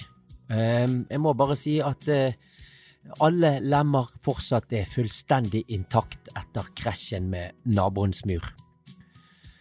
Så til litt uh, informasjon her. Uh, nå har vi hatt en del kortreist i dette året, med stor suksess. Folk har trivdes. Etterpå skal du få møte noen førstereisdamer fra Kortreist i Bergen. Og frykt ikke du som ikke har fått med deg kortreist i år. For i løpet av 2022 så blir det flere kortreist, det lover generalsekretær Øyvind Woie. Og i disse dager så jobber KAB med å få ansatt en som skal ha ansvaret for både kortreist og annet lokalt arbeid i KAB. Men nå, du, nå blir det litt kortreist prat her, for eh, jeg var med og fikk gleden av å delta på KAB sin kortreist til Bergen, og der møtte jeg eh, to damer som aldri hadde vært i KAB-sammenheng før. Ja, Inger Anne Mortveit, du er førstereis, du, på, på eh, KAB-arrangement. Ja, det er faktisk første gangen jeg er med på et arrangement i forbindelse med KAB. Jeg har mange ganger tenkt at det hadde vært veldig kjekt å være med, men jeg bor ikke i Austevoll, og mange ting foregår i Oslo. Men nå når jeg hørte de skulle komme til Bergen, så bestemte jeg meg for at dette vil jeg. Hvordan har det vært da, syns du? Jeg syns det var veldig givende. Veldig hyggelige folk å være i lag med. Veldig kjekke, nye altså medlemmer i KAB som jeg er blitt kjent med. og Fått masse informasjon som jeg ikke visste om. og ja. Så jeg syns det var veldig, veldig kjekt. Og eh, dette her er frister til eh, gjentagelse, og ja. kanskje reise til Oslo òg? Ja, det kan, det kan, godt hende at det, det, blir i neste omgang. Ja, Det er noe med å få et ansikt på folk, liksom. og Du kjenner stemmene, for jeg får jo denne lydavisa. Sånn, så mange stemmer kjenner jeg ifra staben, men nå har jeg fått et ansikt på de òg, og fått snakket litt med dem. Men hva tenker du er viktig med at eh, man går på et KAB-arrangement. Det er jo mange som har arrangementer. Ja, nei, altså, jeg har jo min tru, så, eh, så da betyr jo mye at du får komme i et kristent fellesskap. Og, og samtidig så jobber de jo for våre rettigheter, sant. Eh, eh, Retta ut mot kirka og ja, trossamfunn. Kanskje man kan rette på noen skeivheter som blir begått pga. at man er synshemma eller en annen funksjonshemning. At det blir lettere å gå i kirka, for de tar litt mer hensyn til at eh, du trenger gjerne en liten arm eller noen som dem, spør om du vil være med til alters eller sånne ting. Ja, for det der følte du Har du jo delt noen tanker om her? Ja da, for jeg syns det har vært litt vanskelig. Eh, når jeg har vært i kirka hjemme, så føler du deg veldig pinlig berørt når du merker at du plutselig sitter, alle andre står, og de forteller ingenting om når du skal sette deg og stå. sånn at Det blir sånn ren hjertespill. Så det er litt sånne ting som er greit å, å få satt på dagsordenen og gjort noe med. Men eh, Inger Anne, du har i hvert fall eh, kjent på at det er kjekt å være med i KAB, da? Ja, veldig. Veldig koselig. Og det har jeg jo følt hele dette året, for jeg syns de har vært så de har snudd seg rundt i koronatida og lagt til mange sånne nettarrangement der du kan være med. Uh, Margrethe Våler, uh, populært kalt uh, Mette. Ja, det, det, det, det, men skal jeg si Mette, da? da? Ja, si heller Mette. Ja. For det, at det er, det er ingen som kjenner meg som Anne Margrethe. Nå har vi lært det. Ja. Og du, Mette, du meldte jo deg på dette KAB kortreist fordi at du så at vi skulle ha noe om digital moro? Jeg tenkte jeg har lyst til å lære mer om det digitale, for jeg har lyst til å klare meg mer på egen hånd. Ja, og, og Lærte du noe på dette innlegget som Morten Tollefsen hadde, da? Ja, du, altså, jeg satt jo og skrev ned en del i går. Nei, ja, du, jeg kan faktisk si det at jeg har jo lagt inn en av de appene som han hadde, og det var bl.a. den for å finne frem på bussen. Ja, det, bussnummeret, sant? Ja, ja, bussnummeret. Og det prøvde jeg nå i dag morges, men jeg fikk det ikke helt til. Men altså, det jeg faktisk klarte å finne ut, det var når jeg hadde gått av bussen, så stoppet jeg, og så tok jeg opp telefonen for å se hvilke busser er det som kommer på, på denne terminalen. ikke sant? Og, sånn. og så tenker jeg jeg må bare øve meg for å treffe eh, når bussen kommer, og, eh, og, se om jeg får riktig bussnummer. Ja, for dette er en app som faktisk eh, ja. sier hva som er rundt deg. Og så hvis du treffer på, ja. på bussnummeret, da, så ja, blir du litt Må passe på at ikke bussen treffer deg før du treffer bussnummeret. Nemlig. Nei, nei, nei, nei, fordi at det som han sa, han sjåføren jeg kom inn Jeg sa, jeg måtte jo forklare hva jeg holdt på med. Så sa jeg men jeg fikk det ikke helt Nei, du skjønner, jeg lurte på hva det var du holdt på med, for det, om, det, om, du, drev og lyste på meg med en lykt, sa han. du kunne si 'unnskyld, jeg har vært på KAB-kurs'? Ja, ja, ja nei, nei, vet du, jeg sa faktisk jeg har vært på et kurs, jeg er synshemmet, og jeg skal prøve å finne ut hvilket nummer det står på bussen. Det er første gangen du òg har vært på KAB, og hva syns du om dette her at KAB kommer til deg? Nå er du bergenser, og KAB kom til byen her jeg syns jo det er fantastisk, for det er klart at de må komme til Bergen. Det er jo Det, det, det, det syns jeg var veldig nei, vet du, jeg syns det var veldig greit. For jeg tror ikke jeg hadde reist hvis det hadde vært et annet sted. Ja, eh, Frank Tangen, nå har jeg et, et, et steikende godt spørsmål. Eh, jeg sier det sjøl. Eh, kortreist har jo betydd mye for mange, men hva betyr det egentlig for KAB? Nei, For eh, oss som nå er i ferd med å gjennomføre denne runden, så betyr det kolossalt mye at vi kommer rundt og møter folk eh, litt nærmere der de bor. Litt færre om gangen, så vi får bedre tid til å snakke sammen. Og ikke minst at vi møter masse nye folk som har nye impulser og nye ideer og nye tanker å gi oss. Har det blitt noen frykter av dette? Ja, det vil jeg vel si. Det, vi opplever at det er veldig forskjellige forsamlinger. Nå sitter jo vi i Bergen i dag. For tre uker siden er det vel, så var noen av oss i Trondheim. Der uh, møtte det opp ganske mange ungdommer, f.eks. Som nå er veldig tent på at de vil starte opp et nytt ungdomsarbeid i KAB. Så de holder vi kontakten med og driver på videre. Og så håper vi jo at mange av de som har vært med på disse arrangementene, også f.eks. melder seg på generalforsamlinga og det som skal skje til sommeren, og kan gjøre sin innflytelse gjeldende der, da. Hvor viktig er det dette her? Altså Nå KAB reiser de til oss der vi bor, og det er jo ikke alle, alle steder det er lokallag. Eh, hvor viktig er det at vi får opp flere lokallag å gå? Er det en viktig driftsform i KAB, på en måte?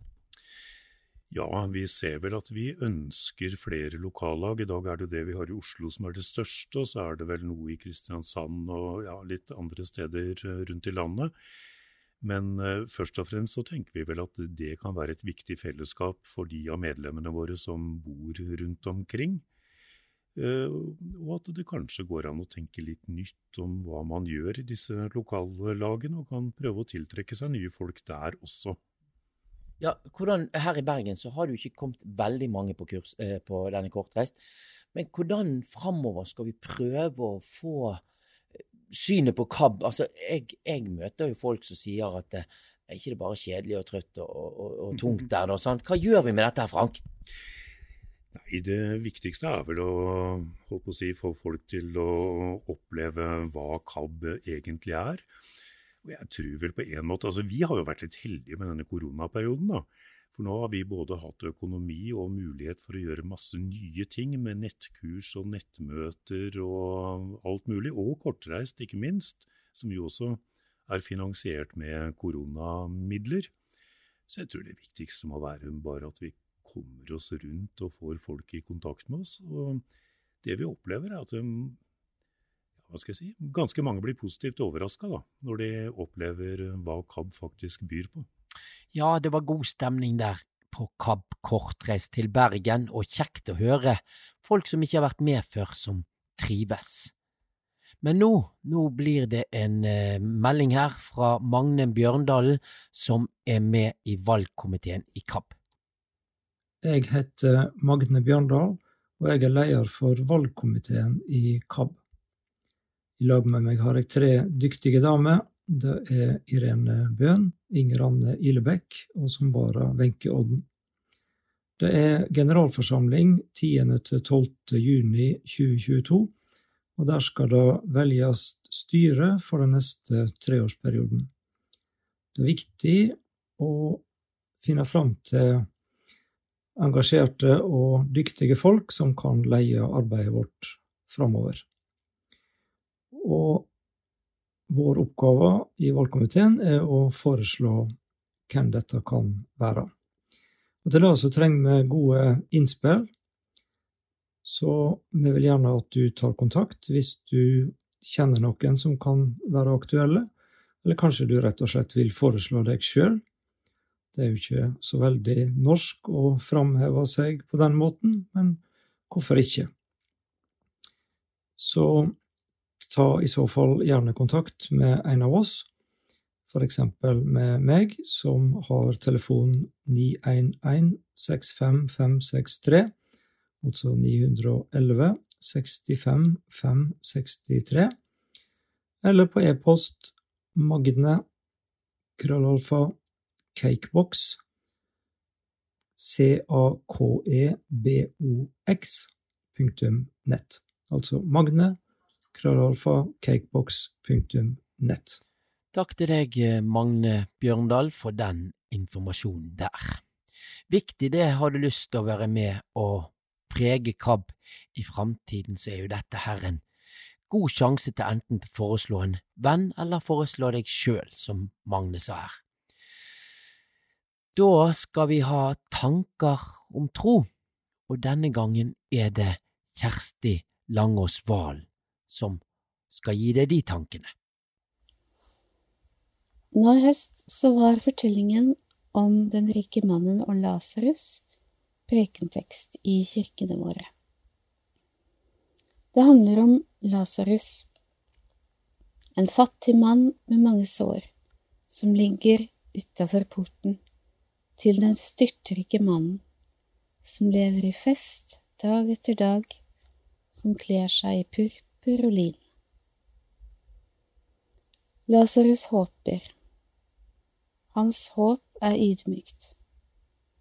Han håper bare på smuler fra det rike spor, men ikke engang det får han. Det er hundene som kommer han til hjelp. De kommer og slikker sårene hans. Det gjør sviket fra den rike desto tydeligere. Det er ikke han som hjelper, men hundene. Gud må bruke dyrene for å komme Lasarus til hjelp. Det sier oss også noe om menneskenes og dyrenes sameksistens de har vært til glede og nytte for hverandre helt siden tidenes begynnelse, og også nå så er det for mange en hund eller katt som er deres beste og mest fortrolige venn. Så skjer det da at Lasarus dør, og det står at englene hentet ham og bar ham til Abrahams fang. Der fikk han trøst. Også den rike mannen dør, og han kommer et helt annet sted.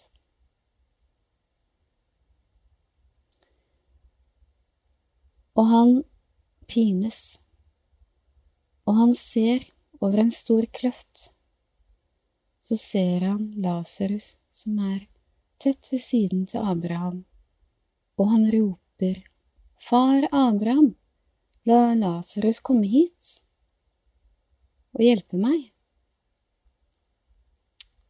Men far Abraham sier at du hadde det godt i livet. Nå er det Lasarus sin tur. Den rike mannen gir seg ikke, han roper igjen. Far Abraham, la han i hvert fall komme hjem til mine brødre, send ham dit, for å advare dem så ikke de også kommer hit. Ja, men uh, far Abraham sier at de har Moses og profetene. Der står det Det står i Femte Mosebok 15 Lukk opp din hånd for din bror, for de nødlidende og fattige i landet ditt. Den rike mannen prøver seg igjen. Hvis du sender Lasarus dit, da vil de tro, for da er det jo en dødeoppvekkelse. Men far Abraham sier at nei, de har loven og profetene. Lasarus hadde et håp i livet der han lå, ved porten til den rike. Men den rike brydde seg ikke om ordene fra Femte Mosebok om å lukke opp hånden til de nødlidende. Det fins fattige, det fins tiggere på våre gater også. Og det de forteller om som er det verste, det er at noen ikke engang ser deres vei, ikke engang hører dem, svarer dem, men bare ignorerer dem som de ikke fantes engang. I det minste vi kan gjøre, er å anerkjenne deres eksistens. Se dem. Svare dem når de spør. Om vi så ikke har noe å gi dem, så har vi i hvert fall anerkjennelse, medmenneskelighet å gi. En gang så er det kanskje oss som opplever kriser i livet. Der det eneste vi ønsker og ber og trenger, er vennskap, anerkjennelse, forståelse, vennskap og nåde fra våre medmennesker. Vi møter mange mennesker på vår vei gjennom livet. Vi har mange muligheter til å være et medmenneske, til å vise nestekjærlighet, til å speile noe av Guds himmel, Guds kjærlighet, til hvert eneste enkelt menneske. Fordi vi er alle skapt. Vi er alle elsket. Vi er alle Guds barn.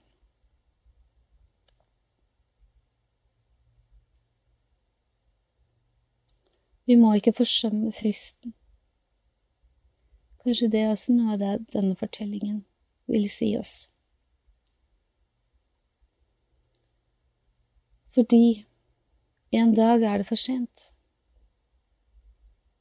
En dag kan vi ikke lenger forandre på eller reparere det vi i livet har forsømt eller ødelagt. En dag er Lasarus død. En dag er den ensomme kona i nabohuset død, og det er for sent å vise omsorg. Vi må gripe sjansen, her og nå, til å se den nøden Gud har sett, høre det ropet Gud har hørt, og elske vår neste som oss selv.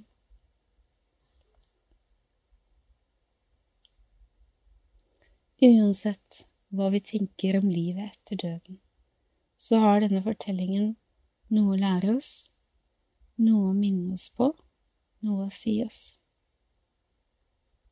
Om å se menneskene rundt oss, vise omsorg, lukke opp hendene våre, lukke opp sinnet og tankene og hjertet vårt mot menneskene vi møter. Det kan være en så stor kløft mellom mennesker. Lasarus og den rike levde side om side. Lasarus var rett utafor porten hans. Likevel var livet deres så totalt forskjellig. Og slik kan det være, og slik er det også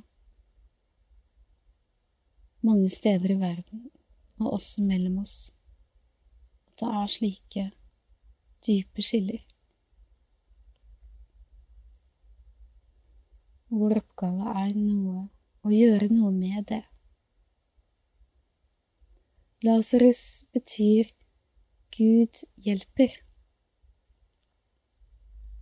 Gud nådde ikke fram med sin hjelp til Lasarus her på jorden, i dette livet. Men Gud hadde ikke glemt sitt løfte til Lasarus om å hjelpe, fordi i Guds plan, i Guds mulighet, finnes også evigheten, der rettferdigheten skal seire, der han skal tørke bort hver tåre, og sorg og død skal ikke finnes mer.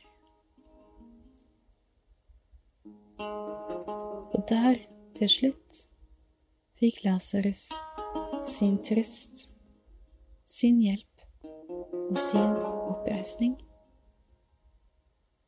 fra sin Gud.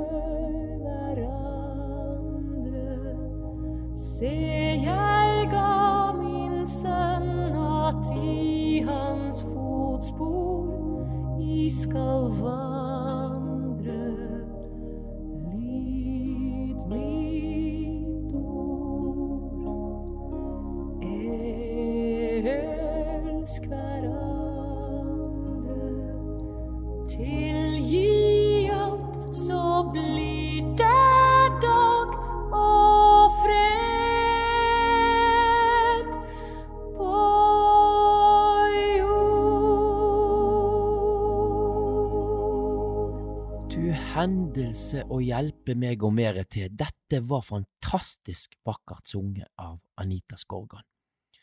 Jeg fikk litt sånn julestemning jeg nå. Ja, det er jo ikke så rart, da. Det er jo sånne der kakemenner i butikken, og mandariner begynte å bli gode. Og neste KAB-pod, den kommer ut i desember, så har du noe på hjertet, så får du sende det inn så fort som mulig. I alle fall, eh, vil du sende mail til meg, altså som heter Kurt Ove Mæland, så kan du sende til følgende e-post kurt.meland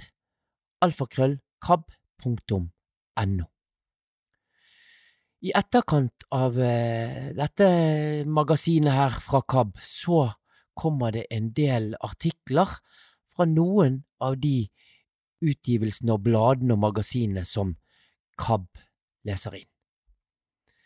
Da vil jeg ønske deg en fortsatt god november.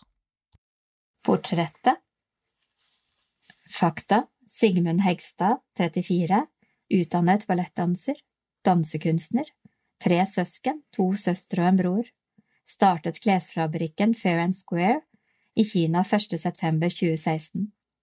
Daglig leder og konsernsjef i Fair and Square, www.fairandsquare.no. Fabrikken har i dag 31 ansatte og er i en prosess der de søker flere medarbeidere. Ballettdanseren som startet tekstilfabrikk i Kina. Rettferdighet, det er den profesjonelle ballettdanseren Sigmund Hekstad opptatt av, og det er motivasjonen bak tekstilfabrikken Fair and Square som han startet opp i Kina for fem år siden. Tekst Birgit Nersten Lopaki. Tunge regnskyer henger over Oslo da Agenda 316 møter danseren Sigmund Hegstad, 34, som også er daglig leder og konsernsjef i selskapet Fair and Square. Vi møtes i bedriftens lokaler, der de har lager og tekstiltrykkeri, og Sigmunds kontor. Lokalene, som har hyller på hyller med klær som skal pakkes og sendes ut til kunder, er praktiske og lite prangende, akkurat som Sigmund selv. 1. september i år var det fem år siden Fair and Square ble etablert, der målet er å drive bærekraftig klesproduksjon. Inntektene kommer de ansatte til gode gjennom en arbeidsuke på 37 og en halv timer, betalt ferie, sykepenger, pensjon og forsikringer, i tillegg til seks måneders mammapermisjon med full lønn. Arbeidsvilkår vi tar for gitt i Norge, men som i mange andre land ikke eksisterer. Motbeviser kleskjedenes unnskyldninger. Det var ikke selvsagt at Sigmund skulle lykkes med prosjektet sitt. 70–80 prosent av alle nystartede bedrifter går konkurs de første fem årene. Da vi startet, visste vi ikke så mye om hva det betydde å starte et selskap. Vi hadde ingen erfaring med det fra tidligere, og jeg hadde ingen erfaring fra tekstilbransjen. Eneste grunnen til at vi etablerte dette, var for å skape gode arbeidsforhold i tekstilbransjen, forteller Sigmund. Han er en handlingens mann. Den profesjonelle ballettdanseren jobbet i Fremtiden i våre hender, der han blant annet vervet nye medlemmer. Organisasjonen maser stadig på de store kleskjedene om å ta ansvar for tekstilarbeidernes vilkår. Klesbransjens svar om at dette var vanskelig og noe de ikke fikk til, gjorde at Sigmund selv gikk til handling og startet egen klesproduksjon for å vise at det gikk an å produsere klær med gode etiske rammer. I Kina ble hans gode venn Wu Xingfang en god samarbeidspartner. Wu Xinfang kommer selv fra en typisk migrantarbeiderfamilie i Kina, men har tatt utdannelse og ønsket å være med av samme idealistiske grunner. Det har vært sjokkerende enkelt å få til gode arbeidsforhold. Det som er vanskelig, er å lage de produktene folk vil ha, og markedsføring, alt dette som de store kleskjedene er gode til, sier Sigmund. Han tror ikke at kleskjedene ikke kan få til det samme. Alt de sier om at de prøver og ikke får det til, er tull og tøys. De prioriterer å tjene mest mulig penger til seg selv. Det er ikke for vanskelig, men de vil ikke. Når en ballettdanser klarer å skape gode arbeidsforhold i tekstilbransjen, så må jo de som har så mange års erfaring få det til, sier han bestemt.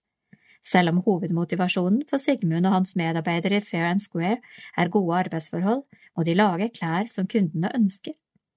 Vi må ta de bildene som appellerer til dem slik at de har lyst til å velge oss framfor et annet merke. Gode arbeidsforhold er ikke nok til å få folk til å velge oss. Fabrikken i Kina har nå 31 ansatte, de fleste kvinner som nå har mulighet til å være med barna etter jobb og følge dem opp hjemme, i motsetning til tekstilarbeideren som drar lange veier for å jobbe og knapt er hjemme i løpet av året. Språkdyktig Valget av produksjonsland var enkelt da Sigmund startet opp Fair and Square. Han har et nært forhold til Kina og snakker språket. Den interessen fikk han som 13-åring da familien bodde et år i USA. En av Sigmunds amerikanske klassekamerater kom fra Kina, og Sigmund fant ut at det var et språk han ville lære seg. En av hans beste venner på ballettskolen i Canada, der han gikk senere, var også kineser.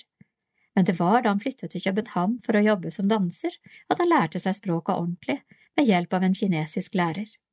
Wu Xinfang ble han kjent med på en tur til byen Fenghang, der Fair Square har fabrikken sin i dag. Wu Xifang var guide for Sigmund i den vakre elvebyen. En periode underviste Sigmund også i dans ved et kinesisk universitet. Jeg hadde ikke klart å starte opp i Kina hvis jeg ikke kunne språket. Han synes språk er interessant. I tillegg til kinesisk og engelsk snakket han tysk da han jobbet i Tyskland. Nå har han også lært seg rumensk og romanes. Det siste er romenes språk og et språk han bruker daglig med sin gode venn og arbeidskollega Augusta.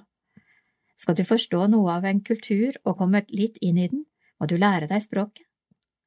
Viktige vennskap Romanes begynte han å lære da han søkte kunnskap om og ble kjent med flere romer, en av Europas mest diskriminerte folkegrupper. Han ville selv finne ut av alle påstandene han hadde lest om de fattige tilreisende i mediene. Det var starten på et sterkt engasjement for et folkeslag som forfølges hvor de enn beveger seg, men også starten på gode vennskap på tvers av kultur og språk. En av dem er med arbeidskollega og trykkeansvarlig, Gutsa Tramdafir. I dag bor Gutsa og familien hans, kona Claudia og deres seks år gamle datter Natalia sammen med Sigmund. Jeg slipper å bo alene og være en viktig person for en seksåring uten at jeg trengte å få et eget barn. Det er vår familiekonstellasjon akkurat nå, smiler Sigmund. Hvordan har vennskapet med Gutsa påvirket deg? Det å møte mennesker fra, annen, fra et annet sted, med en annen bakgrunn, andre opplevelser og annen kultur, og se verdien fra et annet perspektiv, har åpnet mye. Jeg har lært utrolig mye av Gutsa fordi han har opplevd verden på en annen måte enn meg. Det at han er romsk, gjør at han har opplevd mye mer av den fæle delen av mennesket enn det jeg selv har. Sigmund sier det er vanskelig for oss å forstå hvor mye rasisme det er mot romene.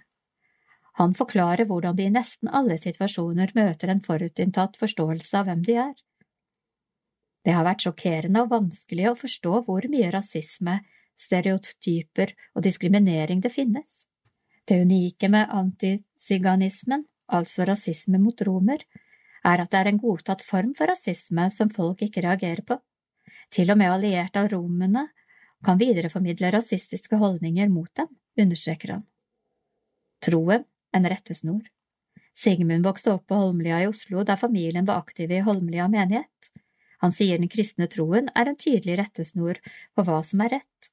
Her finner han en tydelig moral og en tydelig etikk som preger valgene han tar. Jesus var, er jo veldig radikal. Du skal elske de neste som deg selv. Som deg selv handler om rettferdighet. Da må du dele likt. Hvis du virkelig elsker de neste som deg selv, så tar du ikke mer enn det du skal ha. I Fair and Square blir inntektene fordelt veldig annerledes enn det som er vanlig.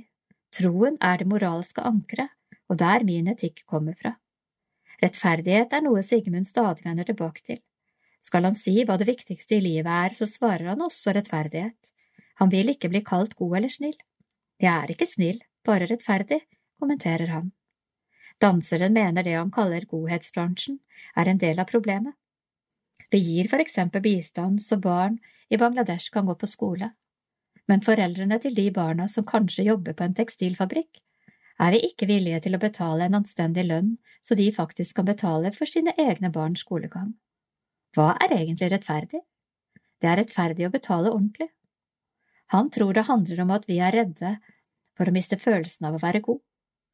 Vi har en veldig sterk identitet i at vi vil være snille, gode mennesker som hjelper. Vi klarer ikke å legge fra oss følelsen av å være gode ved å gi disse gavene. Det kommer vi til å miste hvis vi faktisk kjemper for rettferdighet. Rettferdighet Sigmund påpeker at vi i realiteten tar mer enn vi gir, og at vi med de valgene vi tar nå, bidrar til et negativt resultat for mange mennesker, både når det gjelder dårlige arbeidsforhold, lidelse og barnearbeid. For Sigmund handler rettferdighet om å korrigere dette bildet, slik at det blir en balanse. Når oppdaget du forskjellen på godhet og rettferdighet? Jeg så det tydeligst på tilbakemeldingene fra andre. Da jeg begynte med dette, sa folk til meg at jeg er en god som gjør dette, men det er jeg ikke. Det er ikke målsettingen min. Når jeg tenker på godhet, tenker jeg på evnen til å se andre mennesker på et personlig nivå, være til stede og lytte. Dette handler om å korrigere noe som er urettferdig. Hvor lenge har du hatt den rettferdighetstanken? Alle barn har rettferdighetstanker. Folk snakker om at de har med seg barnetroen sin når de blir voksne. Jeg har tatt med meg barnerettferdighetsfølelsen, ler Sigmund. Han kjenner noen ganger på en frustrasjon over kristne han opplever som lunkne. Vi tar ikke kallet til rettferdighet helt ut, og integrerer det ikke i livet vårt. Vi setter ofte oss selv først, og om det er overskudd, så kan vi være med og kjempe for rettferdighet gjennom å gi penger til en organisasjon, men vi glemmer hvordan det kan integreres i dagliglivet. Sigmund presiserer samtidig at det ser forskjellig ut fra person til person hvordan det kommer til uttrykk. Jeg er enslig, har egen leilighet og tid til å starte et selskap. Det passet med mine ferdigheter, tid og livssituasjon, selv om det også er en sterk prioritering. En barnefamilie har for eksempel en helt annen inngang til å se andre barn og familier i nærmiljøet. Vi kan alle være med å skape mer rettferdighet i lokalmiljøet, eller når vi kjøper klær. De fleste kjøper nye klær en eller annen gang, og da har man et valg. Å velge fair and square er ikke vanskeligere enn å velge noe annet. Du kan jo kjøpe færre klær fordi gode arbeidsforhold koster mer enn dårlige arbeidsforhold. Dansen Dans begynte Sigmund med som niåring. Siden kom han inn på Den norske operas balletthøgskole, og 16 år gammel dro han alene til Canada for å gå på Canadas National Ballet School. Det var ikke noe problem, man er jo ikke alene når man bor på en internatskole. Jeg hadde et tydelig mål for hva jeg ville. Det ble tre år i Canada før han kom tilbake til Europa. Ti år etter at han begynte å danse, ble Sigmund profesjonell ballettdanser ved Det kongelige ballett i København. Han hadde også et par år som ballettdanser ved Nationaltheater i Mannheim, Tyskland, før han kom tilbake til Norge og begynte som frilanser i 2012. Du har ikke lagt dansekarrieren helt bort? Nei da, jeg trener hver dag, og så er det noe dansing innimellom. Fair and Square har tatt mye av tida mi, så jeg har ikke rukket å gjøre så mye innenfor danseverdenen som jeg kanskje hadde ønsket hvis døgnet var lenger, og jeg hadde uendelig med krefter. Dans som bønn. Å danse i gudstjeneste er det han har gjort mest de siste årene. Ofte uttrykker dansen bønn. Jeg forbinder nok ofte bønn med å være introvert. Mye bønn handler om en lengsel for hvordan fremtiden skal bli. Takk er også en type bønn. Jeg dras oftere inn i de introverte lengsler, det passer meg bedre enn gloria og lovprisning.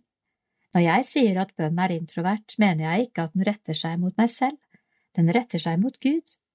Men det fysiske uttrykket når jeg danser bønn, er konsentrert her inne, ikke utover, sier han, og viser det ved å bevege armene inn mot kroppen og siden utover. Sigmund beskriver seg selv som mer innadvendt enn utadvendt, og med en sterk ansvarsfølelse. Jeg er villig til å gå lenger enn de fleste og ha god gjennomføringsevne. Det krever litt å skulle bli en klassisk ballettdanser, du må legge mye fokusert arbeid i det. Den egenskapen som gjorde at jeg valgte og klarte å bli en profesjonell danser, er de samme egenskapene jeg bruker nå for å skape fair and square. Han synes det er mye egoisme i samfunnet vårt. Jeg er sint på all egoismen, og det er jo en del av motivasjonen for det jeg gjør. Hvem har formet deg mest som person? Det må være mine foreldre. Noen danseren gjerne skulle gjort mer av, er å leke med niesene sine. De gir ham glede, og det er dem han tilbringer søndagene med når han har fri. Jeg har fem nieser, inkludert Natalia, Gutsa og Claudias datter. Jeg har ikke så mye tid, så da prioriterer jeg å være med dem når jeg har fri, smiler danseren og konsernsjefen. Kultur gir barna sanger å bo i. Det er krevende å være barn for tida, sier Tore Thomassen, aktuell med sin ellevte barneplate. Barn trenger noe å holde fast i, og det tror jeg en sang kan bidra med. Tekst Per Arne Gjerdi Tore Thomassen har i en alder av 66 år laget en ny barneplate, den ellevte i rekken. Man skulle tro det ikke var mer igjen å skrive om. Det merkelige er at det er helt åpent, det er så mye å skrive om, og livet er jo så stort, sier han. Jeg tror det er viktig for barn å ha sanger de kan forholde seg til, og som er hentet fra virkeligheten. Jeg tenker også at det du synger om barn, det former identiteten din, og det påvirker følelseslivet ditt. Derfor er det viktig at ikke alle barneplater er like, og min er ikke lik, smiler Thomassen der vi møter ham på kafé i Oslo. Stort nok for alle. Da den første barneplaten hans kom ut for 30 år siden, hadde han allerede laget to andre plater, Tango i hagen og Gode nordmenn for et voksent publikum. At han begynte å skrive sanger for barn, skyldtes ikke minst at han fikk barn selv.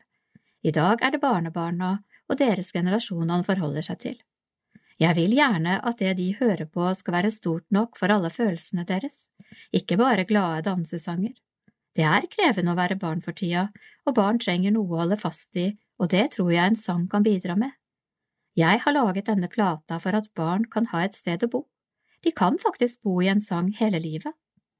Mye usikkerhet. Hvordan er det mer krevende å være barn nå enn tidligere? Det forventes mye mer at man går i takt og liker det samme. Man skulle tro at verden ble åpnere med internett, og det har den for så vidt blitt. Samtidig er det så mye usikkerhet rundt det å være seg selv. Unger herjer mye mer med hverandres følelser og det å passe inn. Derfor tror jeg en må lage sanger med bredde, sanger som tar deg med et sted.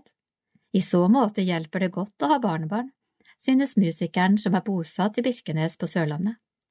Jeg har også hatt jevnlige skoleforestillinger i 30 år. Da er det tema som skal gå inn i skolehverdagen og i barns måte å orientere seg på. Det utfordrer meg. Jeg prøver ut forestillinger, ser hva som går inn hos barn og lander på en felles tilnærming til litt vanskelige ting. Rom for det vanskelige. På den nye plata har jeg en sang som heter Kirkegården. Hvorfor synge om sånn til barn? Jo, det er masse mørke i barns liv, og det må de få nærme seg å snakke om. Tenk deg hva som skjer hvis kaninen til en tiåring dør, det er jo full begravelse, sier Thomassen. Barn trenger et rom hvor de kan nærme seg de vanskelige tingene. Det kan du i en sang, faktisk. Jeg har for eksempel en sang som spør Hvor lenge må vi jobbe, hvor lenge må vi streve? Hvor lenge må vi bære, hvor lenge må vi dele, til alle barn er mette? Klodens tilstand og andre barns virkelighet opptar barna mye mer enn vi ofte tror, erfarer han. Barnebarnet mitt, Abelone, som synger Pass på alt det fine, sa til meg da hun hadde begynt å lære sangen. Men den er jo så viktig. Hun har hørt om Greta Thunberg og synes det er så fint at noen bare melder seg på og tror det er noen vits i å gjøre noe. Nye begynnelser For det er også en håpløshet ute og går blant barn, men der kommer bibelfortellingene inn. Mange av dem handler om utenforskap og om mennesker som er små og ikke de mest populære, og så handler de om fellesskap og hva venner kan gjøre. Tenk på historien om de fire som bar den lamme til Jesus.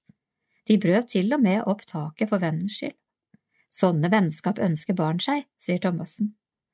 Og det at Jesus ga mange nye begynnelser til folk, det synes unger er fint, for det er nok av episoder hvor man kjenner seg litt trykket ned, men så er det nye begynnelser hele veien. Plata heter det samme som åpningssangen Hvis du blir med nå, en programerklæring.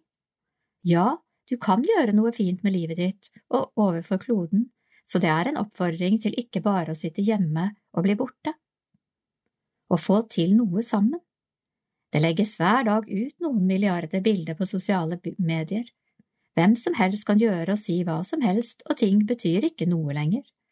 Noen unge gjennomskuer det, mens andre aldri gjør det. Noe av det viktigste vi kan si til unger, er at vi må finne ut av det sammen. Du kan synge i kor eller spille på et fotballag, det viktigste er at vi får til noe sammen. Du har også sanger som heter Kirka er for alle og Se jeg er med dere. Har du en filosofi i måten du formidler kristen tro i sangene dine på? Ja, det har jeg. Jeg vil fortelle om alt det rundt deg som du kan se, og så vil jeg fortelle historiene om Jesus. Jeg har en sang der jeg går gjennom Bibelen på tre minutter, der refrenget lyder hundrevis av sider fra forunderlige tider i en treminutters bibel. Når vi har konserter i kirken, spør jeg alltid barna om de vet hvorfor den ringen rundt alteret er der. Jeg prøver å starte med det fysiske. Så går jeg etter hvert inn i fortellingene om hva Jesus sa og gjorde, og sier noe om hvordan dette er blitt vår sammenheng. Vil gi barn frimodighet. Sammenheng er et viktig stikkord for ham i samtalen med barn. Jeg snakker mye om sammenheng og at du ikke er alene. Samtidig er det viktig å fristille barn slik at de ikke bare gjentar sannheter fra voksne, men kjenner at dette vil jeg være med på, og så vil jeg gi barn frimodighet, understreker han. Jeg synes det er tragisk at religion forsvinner mer og mer fra det offentlige rom. Det er jo nesten ikke lov å ytre seg om Gud i sammenhenger med barn. I skolen kan man snakke om verdier, men man kan ikke snakke om hva verdiene er fundamentert på. For drøyt 20 år siden laget Tore Thomassen en barnehageforestilling for Rikskonsertene som het Musa i orgelet. Den foregikk i kirken med en mus som forteller. Kirken er landets eldste kulturhus og fellesrom som stadig funker, men jeg tviler på at jeg hadde fått lov i dag til å invitere alle de lokale barnehagene til en slik forestilling. Gleden ved å synge Barnekultur er ikke noe jeg har drevet med ved siden av alt annet, det er snarere den perlen som skinner mest. Og mellom oss, sier Thomassen og lener seg over bordet. Jeg synes det er mye viktigere med barnekultur enn voksenkultur, hvisker han og ler. Bare mellom oss? Nei, du kan godt skrive det. Jeg ønsker selvsagt ikke å skape motsetninger her, men heller løfte barnekulturen opp som likeverdig med voksenkulturen. Så får heller noen voksne bli sure, smiler han. Jeg har aldri opplevd det å jobbe med barn og musikk som noe mindre verdifullt. Det er heller ikke noe billigere å lage en barneplate enn en voksenplate. Vi har brukt masse timer i studio, og hadde jeg ikke fått støtte fra fire instanser og hatt et hyggelig plateselskap som grammofon, tror jeg ikke denne plata hadde kommet ut. Og barn er et takknemlig publikum? Ja, det føles veldig autentisk å spille for barn. Du går inn i et åpent og fritt rom. Barn har så få filter, det er noe helt annet å spille for voksne. Jeg liker begge deler, men trives nok best med barn. Og gleden ved å synge sammen, det er lite som slår den, synes Thomassen.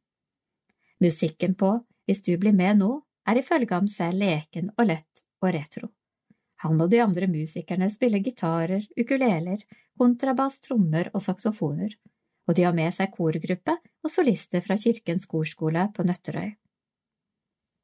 Å lære er å oppdage. Thomassens metode når det gjelder å formidle kristen tro gjennom sang og musikk, er mer preget av undring enn å få barna til å gjenta etter ham. Jeg mener at det å lære er å oppdage, og hvis vi oppdager noe fint sammen, så er det den kristne sangtradisjonen jeg vil stå i, sier han. Forandring er i seg selv motiverende, unger trenger nye vinklinger og utfordringer. Gjennom å jobbe med ting oppdager du at det har verdi. Det er en gammel ørkenvisdom, at selv om du ikke liker det med en gang, må du prøve det likevel. Når barnebarna mine spør om de skal gjøre ting selv, om de ikke liker det, svarer jeg ja, jeg synes du skal prøve det ordentlig, sånn at du gjør viktige erfaringer selv.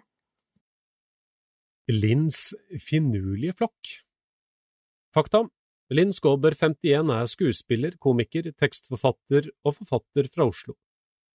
Mange kjenner henne fra panelet i Nytt på Nytt og TV-seriene Hjerte til hjerte og Best før, men også fra teaterscener, revyer, show, film og radio. Skåber ga ut boken Til ungdommen i 2018 og Til de voksne i 2020, og til høsten kommer Til oss fra de eldste. Nonner, imamer, rabbinere, prester og ateister er velkomne under Linn Skåbers høye tak. Men meningene må bli hjemme. Det lukter våt asfalt. Det gjør ofte det i andaktene, bøkene og intervjuene hennes. Favorittlukta, lukta av barndom og sommer på Oppsal i Oslo øst, lukta av blokka der hun vokste opp, lukta av syrin og fiskeboller i putrende hvit saus. Ei jente med kronis rundt munnen og lyst hår som danser i takt med slengt haue. Hun er alene barn, men aldri alene. På kvelden liker hun å se ut på alle de lysende vinduene. Hun fantaserer om alt som er bak gardinen, alle menneskene. Hun lager historier om dem og humrer kanskje litt av sin egen lune humor som tar sine første skritt, men som ennå ikke har blitt oppdaget av verden der ute. Det er så trygt, alle lysene gjør henne så uendelig trygg. Om naboen ikke tar inn aviser på noen dager, ringer man på, står alt bra til. Om Linn gjør noe ulovlig, er det ikke så farlig hvem som kjefter. For noen kjefter, men omsorg skinner igjennom.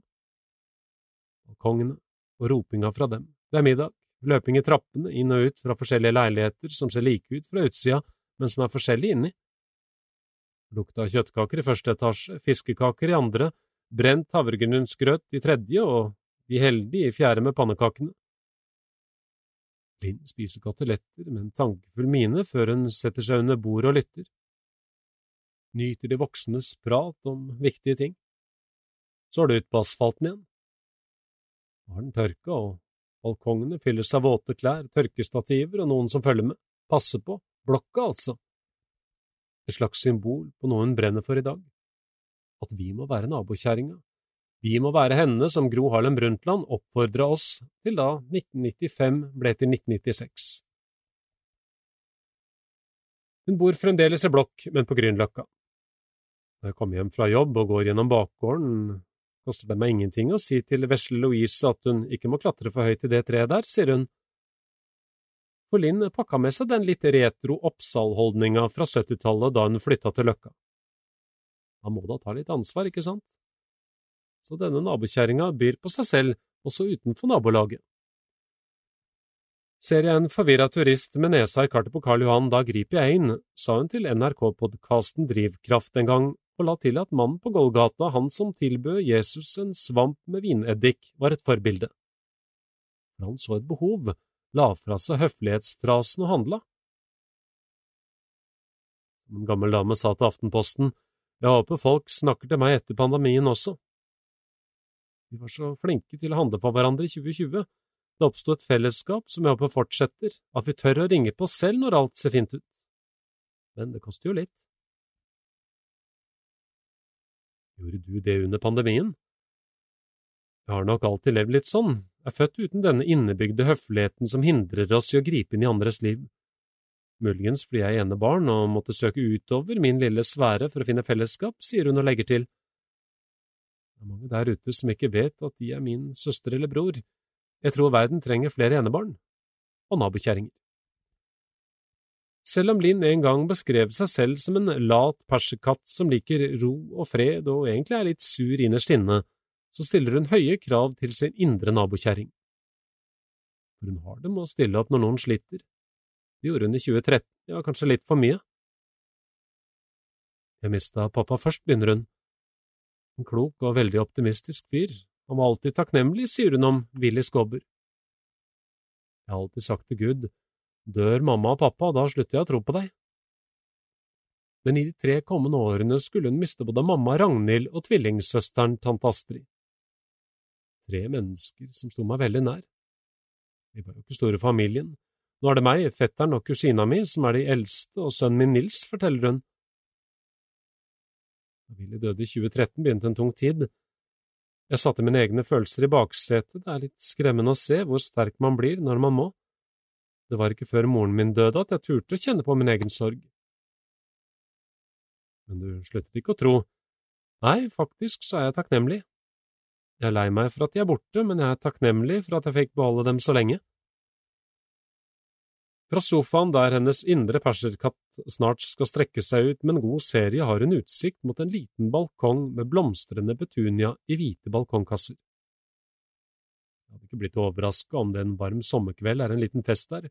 Kanskje Sofie Elise sitter overfor en nonne og forteller om sin første kjærlighetssorg, med en rolig nikkende Ole Paus på den andre siden av bordet med et forståelsesfullt blikk.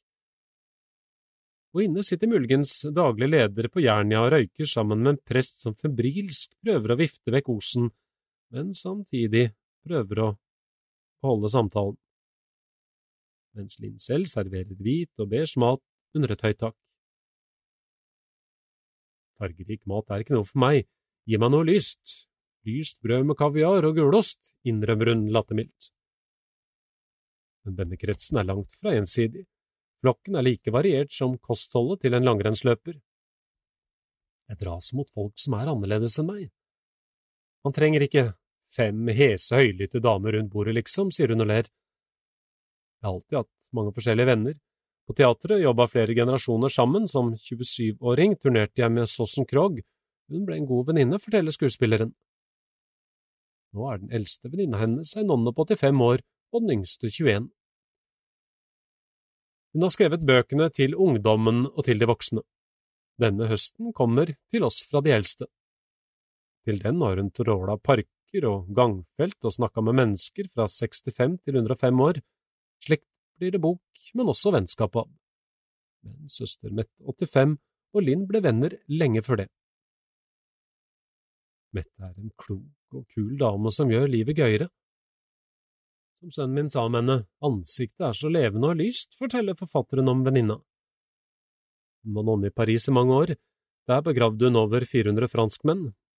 Hun har sett og opplevd mye, sånt blir det visdom og gode samtaler av. Men hvorfor er det i hele tatt en sak at en kvinne i 50-åra henger med en på 85? Det er som Sissel Gran sier i boka Inni er vi alltid unge, vi vil ikke identifisere oss med de eldre. Vi skyver alderdommen unna som om den ikke skal smitte oss, tror Linn. God gammeldags fortrengning der, altså. Selv om kroppen eldes, enten vi liker det eller ei. Vi ser i speilet og ser det kanskje ikke. Ser heller det samme ansiktet som en gang, bare ei russelue. Identiteten var alltid ung.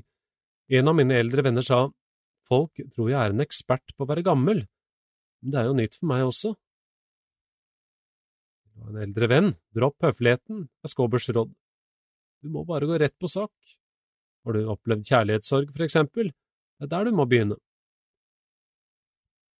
Du snakker mye om ensomhet i NRK-andaktene dine. Har du opplevd det selv? Nei, det ville vært litt håndmodig å si. Jeg sitter ofte her og bare ser i taket. Men det er selvvalgt, svarer Linn, som tror den litt stive høfligheten vår skaper murer mellom folk en finere kant av Oslo, sa en dame at eh, her er det så fint at ingen tør å banke på. Da er det bedre å løsne litt opp, sier 51-åringen, ler kort og legger til. Vi må tørre å banke på. Så får man heller dra en hvit løgn om at man ikke har lyst på besøk. Det blir stille litt, nok et raskt skifte mellom humor og alvor. Ensomhet skjer, men man skal ikke måtte bære den alene. Hvorfor bekjempe ensomhet? Jeg vet ikke. Det er vanskelig, sier hun tankefullt. Men ensomheten er ikke noe vi er, det er noe som rammer, ikke en del av identiteten. Jeg vil heller si du har ensomhet, for da kan du legge den fra deg innimellom, forklarer hun og viser til en annen nyttårstale, men denne er fra president Kennedy på 60-tallet. Spør ikke hva landet ditt kan gjøre for deg, men hva du kan gjøre for landet ditt. Skåber er åpen om at hun tror på Gud. Hun har holdt andakter i NRK, skrevet en egen trosbekjennelse til Paulus kirke i Oslo, sagt i flere intervju, men når jeg spør henne om troen, nøler hun litt. Er hun redd for at jeg skal bruke henne som en slags ambassadør? Se, her er Linn, komikeren, skuespilleren og forfatteren som tror på Gud, hun er en del av oss. Hun har møtt noen slike, noen som ønsket at nettopp hun kunne bli et trekkplaster for evangeliet.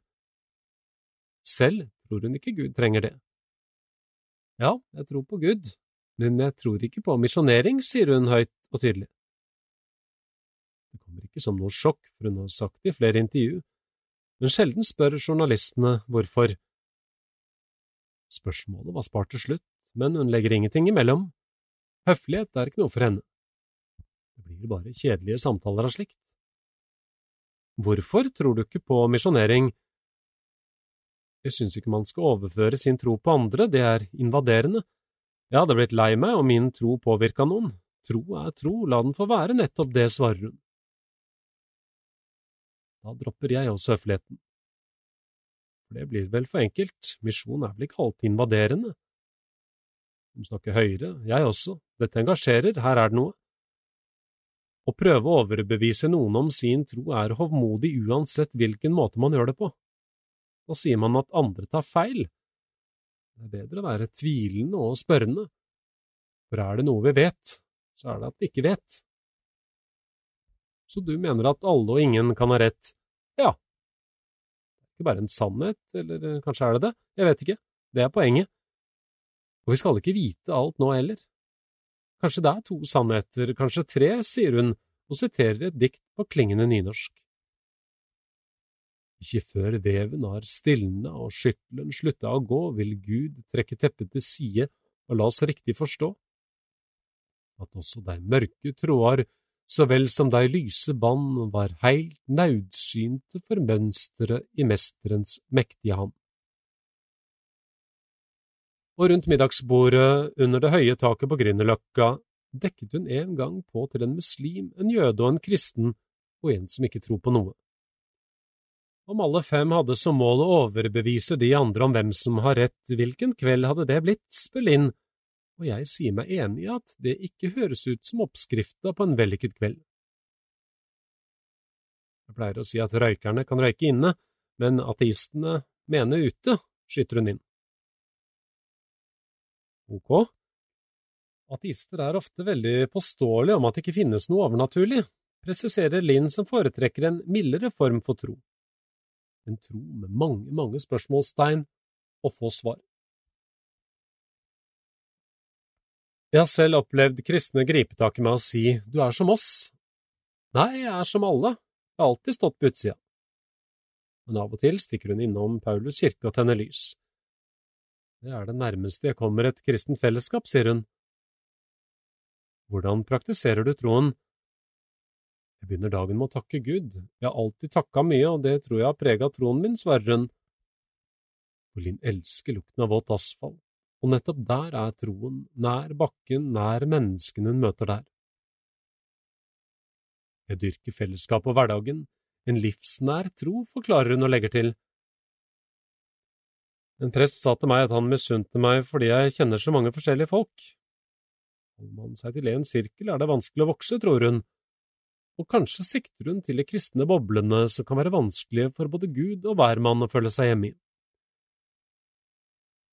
Willy, Ragnhild og Linn var en praktisk østkantfamilie der det å snakke om Gud var like naturlig som en skive leverpostei.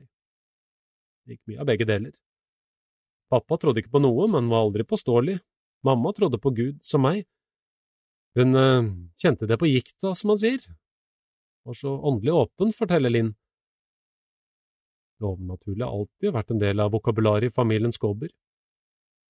Og det har nok gjort meg mer åpen. Jeg tror på miraklene i Bibelen og synes livet blir rikere med alt det vi ikke kan forklare, sier hun, og forteller om noe rart som skjedde den natten faren døde. Jeg så tre setninger på veggen. Drømte jeg det? Kanskje kom det fra mitt eget hjerte, et dypt ønske eller noe, undres hun. Lykke er utømmelig, du velger det selv. Det er evigvarende, sto det. Uansett hva det var, så bærer jeg det med meg som noe vist pappa kunne ha sagt. Vi skal ikke være så redde for det vi ikke kan forklare, tror hun. Hun savner samtalene med foreldrene, vi var aldri påståelige, vi ville ikke overbevise hverandre, men undre oss sammen, sier hun, og kom på noe fint fra farens begravelse. Jeg fikk nesten dårlig samvittighet for å velge kirkelig begravelse, sier hun, men presten sa det så fint. Av jord er du kommet, til jord skal du bli, av jord skal du atter oppstå. Hvis du vil da, Willy. Hva er et godt fellesskap, har du et råd til en misjonsorganisasjon? Alltid tid til undring og spørsmål, svarer hun kontant. Størst av alt er kjærligheten, men nysgjerrigheten er ganske stor, den også. Det er lov å tvile. Til og med prester gjør det, og de er ganske kloke, for å si det sånn. Hun ler kort før hun igjen blir alvorlig morsom. Gud er rausere enn vi tror. Han tåler rimelig mye, og han er klok. Har litt mer enn ungdomsskole og et grunnkurs, sier hun, og drar frem noe Willy sa til Linn en gang. Hun snakka om hvor fint det var å være en del av en flokk. Han bare fnøs av det. En flokk, mot hva da? Det er heller den som krabber opp på sidelinja og spør hvorfor alle går i samme retning. Fire fra flokken om Linn. Heidi Meyer Mørk, venninne. Snill, klok og inkluderende. Raus med framsnakking. Lisa Aisato, billedkunstner, ser mennesker, særlig hverdagsmennesker, som ikke alltid blir lagt merke til. Hun har en melankolsk, streng og en klok og dyktig skribent. Jeg elsker å illustrere tekstene hennes. Hege Skøyen, skuespiller. Et festfyrverkeri og en poetisk forfatter i en og samme person. En evig overraskelse og god venn. Søster Mette Andresen, nonne. Bak Linns latter ligger det mye alvor som hun evner å formidle til hvem vi måtte være. Arven etter Gustava Ved en prestegård i Lyngdal startet Gustava Kielland en folkebevegelse av kvinner som ville engasjere seg i misjon. Her var både min mor Toril og min bestemor Olene på kvinneforeningsmøter, forteller Trygve Omland.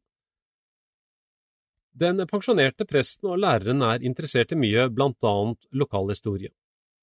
Når han skal grave i den lokale misjonshistorien, har han et solid klipparkiv som viser hans egen families interesse for misjon. Her finnes også dokumenter som viser at hans oldemor, Sofie Amalie, var med i foreningen. Selv om både mor, bestemor og oldemor var med i foreningen, er det ikke det det viktigste. Hovedfortellingen er at misjonsinteressen slo rot i Lyngdal, ikke minst blant kvinner. Den historien vil jeg gjerne at skal bli fortalt. I anledning av at MT skal skrive om småfellesskap i NMS, er det naturlig at vi søker til kilden, vil si prestegården i Lyngdal. Det var her Gustava Kielland på begynnelsen av 1840-tallet samlet kvinner i bygda om arbeidsmøter og oppbyggelige samlinger. Prestegården i Lyngdal har fungert som bolig for bygdas prester fram til for få år siden. Men etter at den forrige presten valgte å kjøpe egen bolig, har det ærverdige huset like ved Lyngdal kirke stått tomt. Forvalteren av prestegården låser opp dører og lar oss vandre i stuene som Kielland-ekteparet i sin tid brukte. Det er helt tomt i stuene nå. På et av veggene henger det imidlertid et bilde av Gustava Kielland. Nei, se der henger det mest kjente bildet av Gustava, utbryter Trygve Omland. Knirker i gulvplankene mens han beveger seg bort til svart-hvitt-bildet som henger litt ensomt i stua. I den tiden Gustava og Gabriel Kielland huserte i prestegården i Lyngdal, var det sjelden folketomt der. I tillegg til tjenerskapet ble stuene brukt til både oppbyggelige møter og kvinneforeninger. Gabriel forteller i sine memoarer at han en gang samlet over 80 menn for å fortelle dem om misjonssak. På side 187 i sin selvbiografi forteller Gustava Kielland at kvinneforeningstanken spredde seg som ild i tørt gress. På det første møtet kom det fem koner.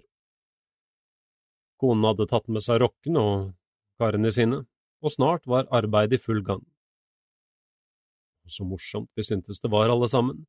Møtet ryktedes snart rundt i dalen. Det meldte seg stadig flere og flere medlemmer, og snart var vi 30 kvinner samlet i prestegården til misjonsarbeid. Det var morsomt å se de komme dragende med rokken på ryggen, eller et par karer, iblant også med et ekstra knytteull under armen. Gustava Kielland, fra Mine erindringer, 1882. Historien som Gustava Kielland her forteller, skjedde mange tiår før Trygve Omlands bestemor ble med i Rom kvinneforening, på folkemunne gjerne kalt Prestegårdens kvinneforening. Men hans egen fortelling om bestemoren bekrefter mye av det Gustava fortalte fra 1840-årene. Jeg husker at bestemor var litt oppstemt de dagene hun skulle på forening i prestegården. Det var noe litt høytidelig å komme dit. Av og til kom også presten inn i stua her. Da var det nok ekstra stas, forteller Trygve, mens han ser seg rundt og undrer seg muligens over hvordan det var mulig å få plass til så mange kvinner i den ikke altfor store stua. Hva var det viktigste for kvinnene som var med i foreningen i prestegården? Jeg kan jo bare snakke om det jeg vet om min mor og bestemor, for dem var misjonens sak viktig. De var glade for at de med sine hender kunne bidra til at misjonen fikk penger som gjorde det mulig å sende ut misjonærer. Dessuten var det åndelige innholdet viktig. Andaktene var preget av solid bibelsk forkynnelse. Dessuten tror jeg kvinnene var takknemlige og glade for at de kunne bruke egne evner og krefter til et viktig samfunnsmessig arbeid. Dette var i en tid da mennene styrte det meste. Kvinneforeningen styrte de selv. Sommersola gjør det snart for varmt i stua i prestegården i Lyngdal. Derfor trekker vi ut i den flotte hagen. Mens han sitter på trappa, smiler han litt og understreker at det ikke bare var det åndelige som var viktig. Jeg tror nok konene likte godt å komme sammen i en sammenheng der det ikke var menn til stede. Nytt fra Misjonsmarken var selvsagt viktig, men jeg tror nok også de hadde stor glede av å høre nytt fra bygda. Men når Trygve Omland snakker om Misjonsforeningens stilling i dag, forsvinner smilet. På det meste var det over 40 NMS-foreninger i Lyngdal. Nå er det bare en liten håndfull igjen. Vi må innse at foreningen har hatt sin storhetstid, men fortsatt er det behov for å treffes i små fellesskap. Det gjelder både kvinner og menn. Dessuten tror jeg at samlinger der både voksne og barn er med, blir stadig viktigere framover.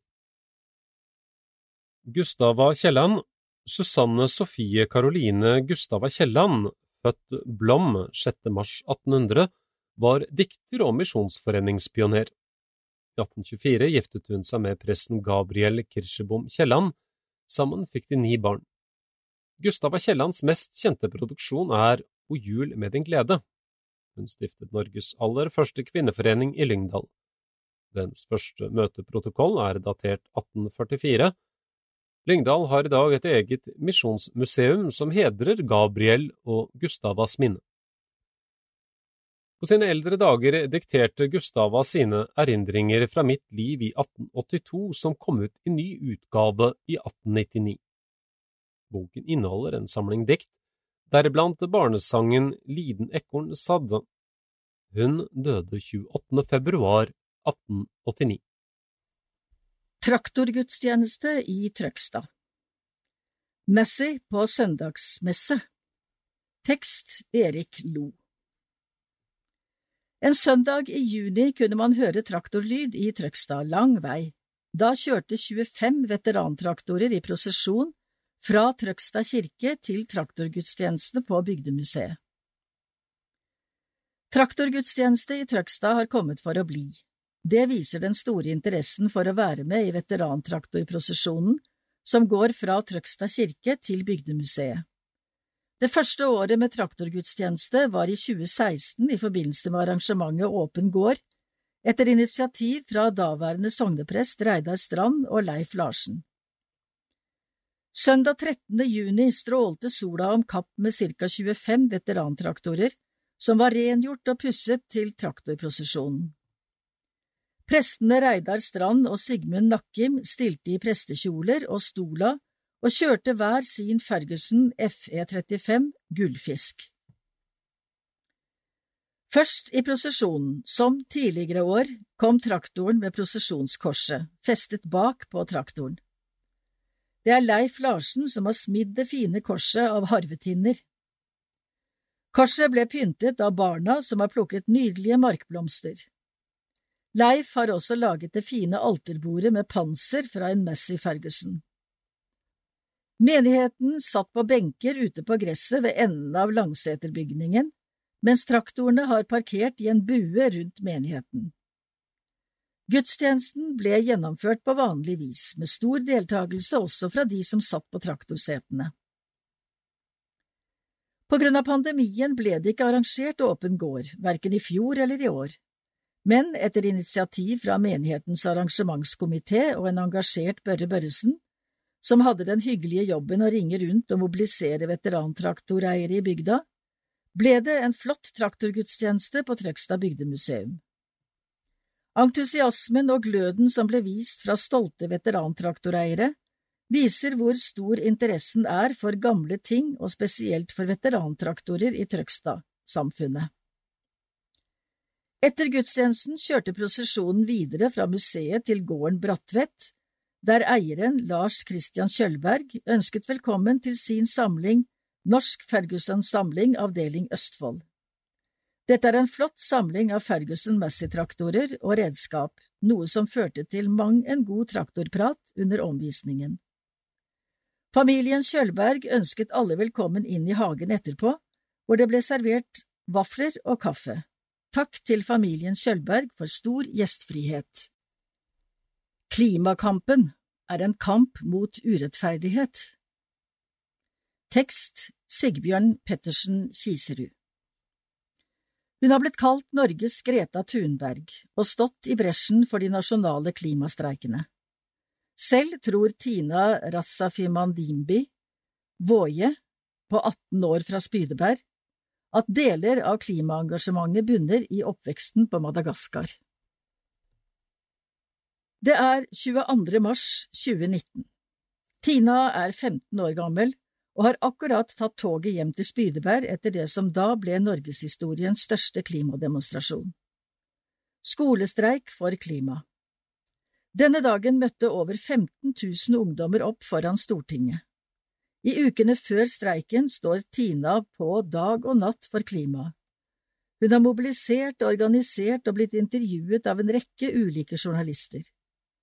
Av Dagsavisen blir hun spurt hvorfor klimaet er så viktig, og svarer uten å nøle det angår alt. Denne kvelden, som alle andre kvelder, skriver hun dagbok hjemme. Hun oppsummerer dagen og hvordan hun føler seg nå. Gira og overveldet, men etter hvert også tafatt og skuffet. Vi fikk jo ikke responsen vi ville ha, sier hun mens hun ser ut i lufta. For det var ikke bare enkelt for en 15-åring å skulle stå imot kritikk og alt som ikke gikk som han håpet. Det var mye motstand, men heldigvis var vi mange som sto i det sammen, og når jeg ser tilbake på den perioden nå i etterkant, er det det som gir meg håp vi var veldig mange som sto i det sammen. Jeg trodde nok at det kom til å skje mer etter klimastreiken. Samtidig ser jeg i dag at det var en begynnelse på en veldig lang kamp. Det var utrolig viktig med skolestreikene, selv om den faktiske handlingen ikke har kommet. Den venter vi på enda, og det er fortsatt en lang vei å gå. Som 18-åring har Tina allerede engasjert seg lengre i klimasaken enn mange andre. Hun begynte i Miljøagentene fra hun var tolv år gammel. Men engasjementet startet enda tidligere. Hun vokste opp på Madagaskar, der foreldrene jobbet med jordbruk og landsbyutvikling for misjonsorganisasjonen Det Norske Misjonsselskap, NMS. Jeg tror jeg ble litt miljøskada, sier hun og ler godt. Jeg fikk den litt inn med morsmelka. Det har vært vanskelig for meg å tenke at Norge er isolert fra resten av verden. Temaer som utvikling, miljø og klima har kjentes veldig nære for meg. Det har nok gjort at det har vært lettere å ta det innover meg på godt og vondt. Hun sier hun setter pris på oppveksten på Madagaskar. Hvordan har kristen tro formet ditt klimaengasjement? Jeg tror egentlig at det har formet foreldrene mine mer enn meg.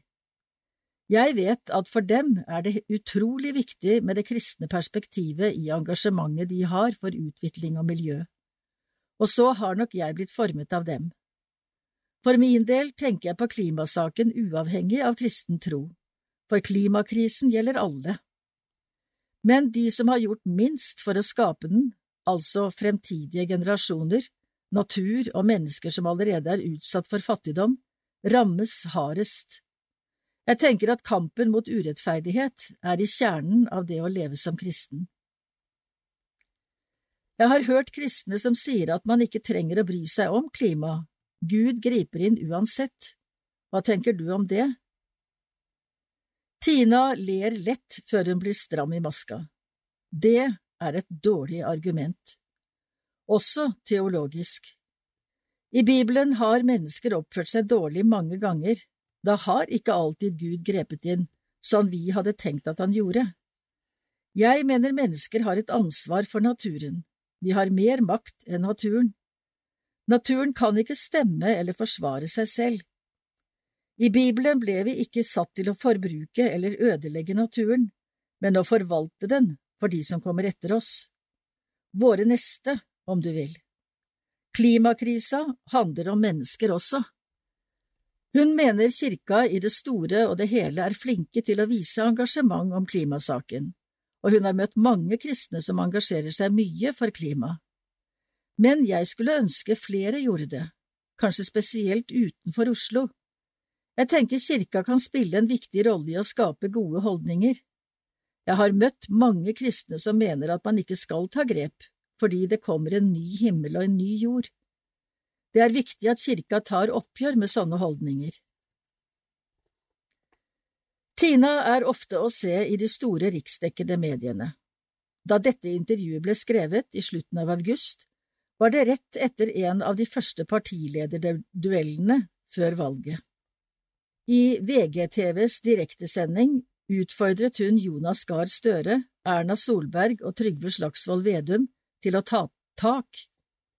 Jeg må leve med det dere gjør, eller lar være å gjøre, sa Tina med stor tyngde. Blir du nervøs? Jeg fikk ganske adrenalinkick rett før jeg skulle stille spørsmålet. På forhånd prøvde jeg å tenke over om jeg hadde noe bra å si, for jeg vet at det er mange andre som har mye viktig å si. Hvis jeg ikke hadde noe å bidra med i den debatten, tenker jeg det er bedre at andre gjør det. Hun forklarer at hun er litt vant med å få henvendelser fra pressen nå, men det er jo stas å vite at det jeg har sagt og gjort blir lagt merke til. Antiklimakset hun kjente på etter klimastreiken kommer av og til, men nå beskriver hun klimaengasjementet som en flamme. Det som tidligere bare har ulmet, er nå i full fyr. Det er fortsatt mulig å gjøre noe, så derfor er jeg håpefull. Jeg ser at det er så mange muligheter vi har, men ikke tar. Det er kanskje en av de viktigste grunnene til at jeg engasjerer meg. Mellom lys og mørke Operasjonsleder ved Trøndelag politidistrikt, Ebbe Kimo, har Jesus som superhelt.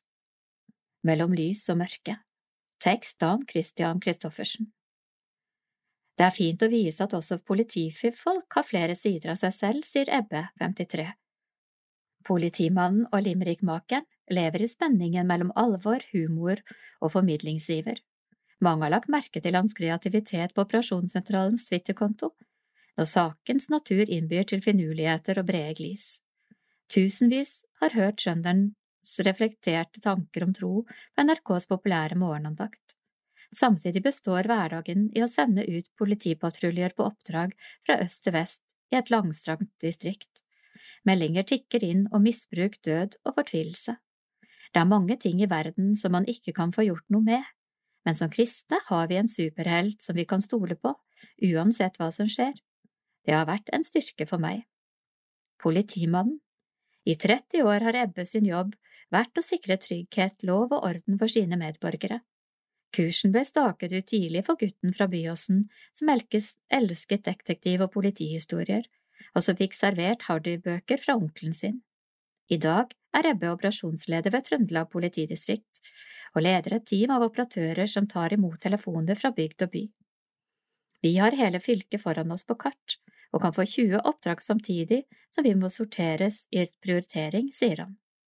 Jobben er krevende, for det er mitt ansvar å nettopp gjøre de gode prioriteringene, og man står i fare for å få ta feil. Samtidig er det en veldig givende oppgave, hvor man kan bidra til gode løsninger. Meldingenes alvorlighetsgrad varierer, og en overfallssak er viktigere enn den brysomme naboen. I flere år var teamlederen selv blant de politifolkene som sendtes ut for å undersøke innmeldte saker. Hvilke saker gjorde mest inntrykk på deg? Å komme inn i et hjem hvor det var full katastrofe med barn til stede, var noe av det verste, sier han alvorlig. En forelder hadde kanskje tatt sitt eget liv foran resten av familien, og man forsto at barna aldri kom til å bli kvitt minnene. Som politimann blir man redd for å gjøre feil i situasjonen, og redd for å gjøre for mye eller for lite. Det er slike oppdrag som har preget meg mest i etterkant. Har det hendt at du har bedt, om Gud, bedt til Gud for veiledning i utfordrende situasjoner på jobben? Ja, mange ganger. Det kan være vanskelig å huske på når man står midt i situasjonen og adrenalinet pumper i blodet. Men når det roer seg, så har det vært naturlig for meg å be, sier Ebbe. Jeg prøver også å være bevisst på at jeg ikke blir overfladisk i møte med vondskap, og at man ikke ser på saker kun med profesjonelle øyne. Twitter-limericks Ebbe er rask med å påpeke at det meste av hans politiliv har vært lystbetont, og at han ikke har angret en dag på karrierevalget. Vi har det artig på jobb, bruker galgenhumor og flirer av ting som man sikkert ikke bør flire av. Samtidig er det kanskje slik vi holder oss i likevekt mot alle de negative kontrastene, sier veteranen. Og det er kanskje derfor det av og til kommer noen artige tweets fra meg. I 2011, samtidig som Ebbe ble operasjonsleder, begynte Twitter-kontoen til Trøndelag politidistrikt å røre på seg. Han hadde fått beskjed fra politisjefen om å bruke kontoen aktivt i enhetens arbeid. Som person kan jeg nok slite med å holde meg seriøs hele tiden, og da kom limerickene.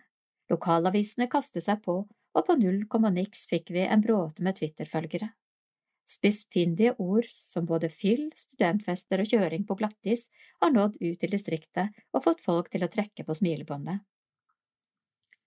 Når du blir aggressiv, sint og fortvila, etter vodka, øl og tequila, er det av og til best å bli kjørt til arrest i en tur med politibiler.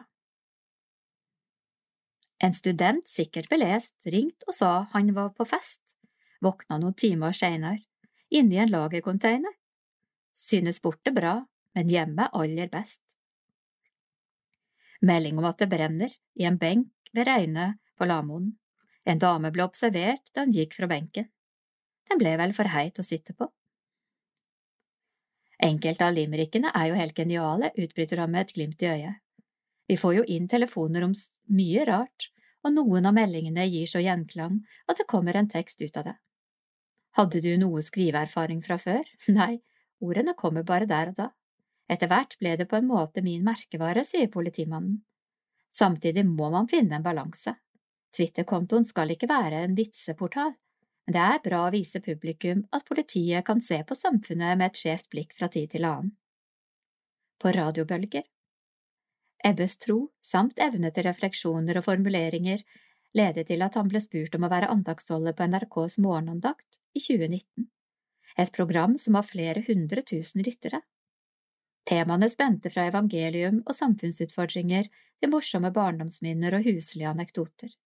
Sendetiden har gitt ham mulighet til å formidle tro på en hverdagslig måte, noe som inkluderer kloke ord og medmenneskelighet. Mange barn får en fryktelig dårlig start på livet, og greier aldri å utligne i forhold til andre barn. De kommer hele tiden på etterskudd. Mange av oss har lett for å se ned på kriminelle, rusmisbrukere og andre som ikke følger normen i samfunnet. Men slik er det ikke for Gud. For Gud er vi alle i samme båt. NRK 11.3.2019 I andaktene prøvde jeg å kombinere hvem jeg er på jobben og hva Gud betyr for meg i hverdagen. Blant de mange historiene trønderne delte med lytteren, var også historien om hvordan han møtte kona og hvilken finger Guds ord hadde med i spillet. Vi gikk begge på Kristen videregående skole Trøndelag, KVT, og hadde fått et godt øye til hverandre, han. En kveld var hun i tvil om hun skulle gå på kino og se Veiviseren, eller bli med på et kristen skolelagsmøte. På skolen hang det et vevd bilde hvor det sto Søk først Guds rike og Hans rettferdighet, så skal dere få alt det andre i tillegg. Hun valgte derfor å gå på skolelagsmøte, og der var det Ebbe som holdt andakten for elevene. Etterpå gikk det fremtidige paret på kinoen sammen. Begge deler gikk i boks, og i fjor feiret vi 30 år som ektepar. I hjertet.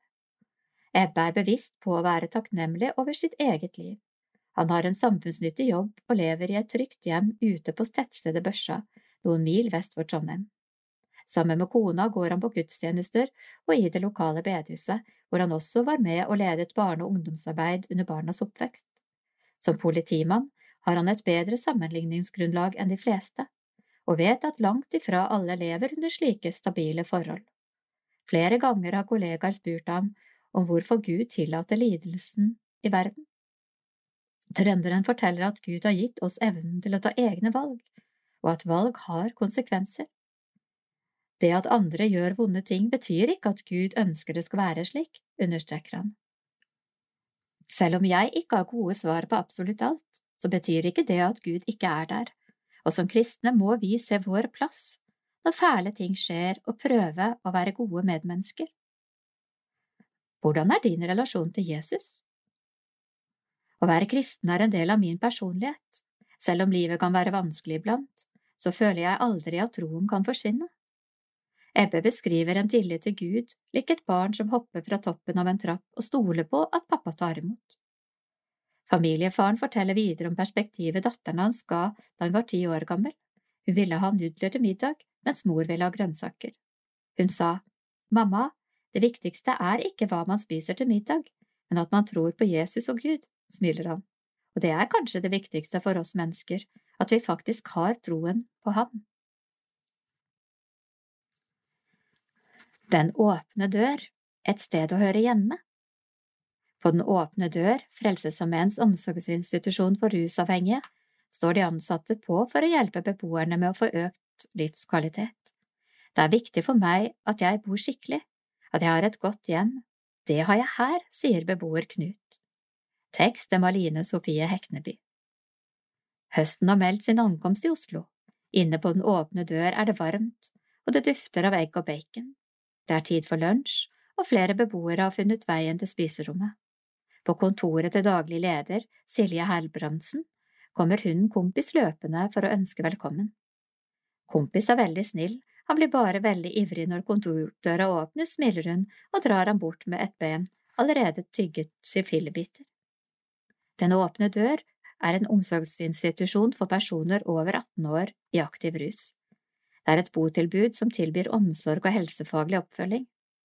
Her bidrar de ansatte med kartlegging, statusrapporter, samtaler og har jevnlige møter med Nav. Vi har 21 plasser på kontrakt med Oslo kommune, velferdsetaten, og to fullfinansierte plasser som betales direkte av bydel. Det er gjerne for de beboerne som faller utenfor systemets punktliste på målgruppe innenfor diverse tiltak. Det er ingen begrenset botid, men behovet vurderes i samarbeid med bydelen, da målet er at beboerne skal videre til kommunal bolig, sier hun. Ulik boevne Silje forteller at det er ulik boevne blant beboerne når de kommer til den åpne dør. Mange har grunnleggende hygiene, andre ikke. Dette er blant de tingene som vi bidrar med, sier hun. Noen beboere har plettfrie leiligheter som dufter av klor og skurekrem. Disse trenger kanskje bare hjelp til rusreduksjon og strukturering av dagen, og til å komme i kontakt med fastlege og Nav. Så er det noen som må lære seg å sove i en seng.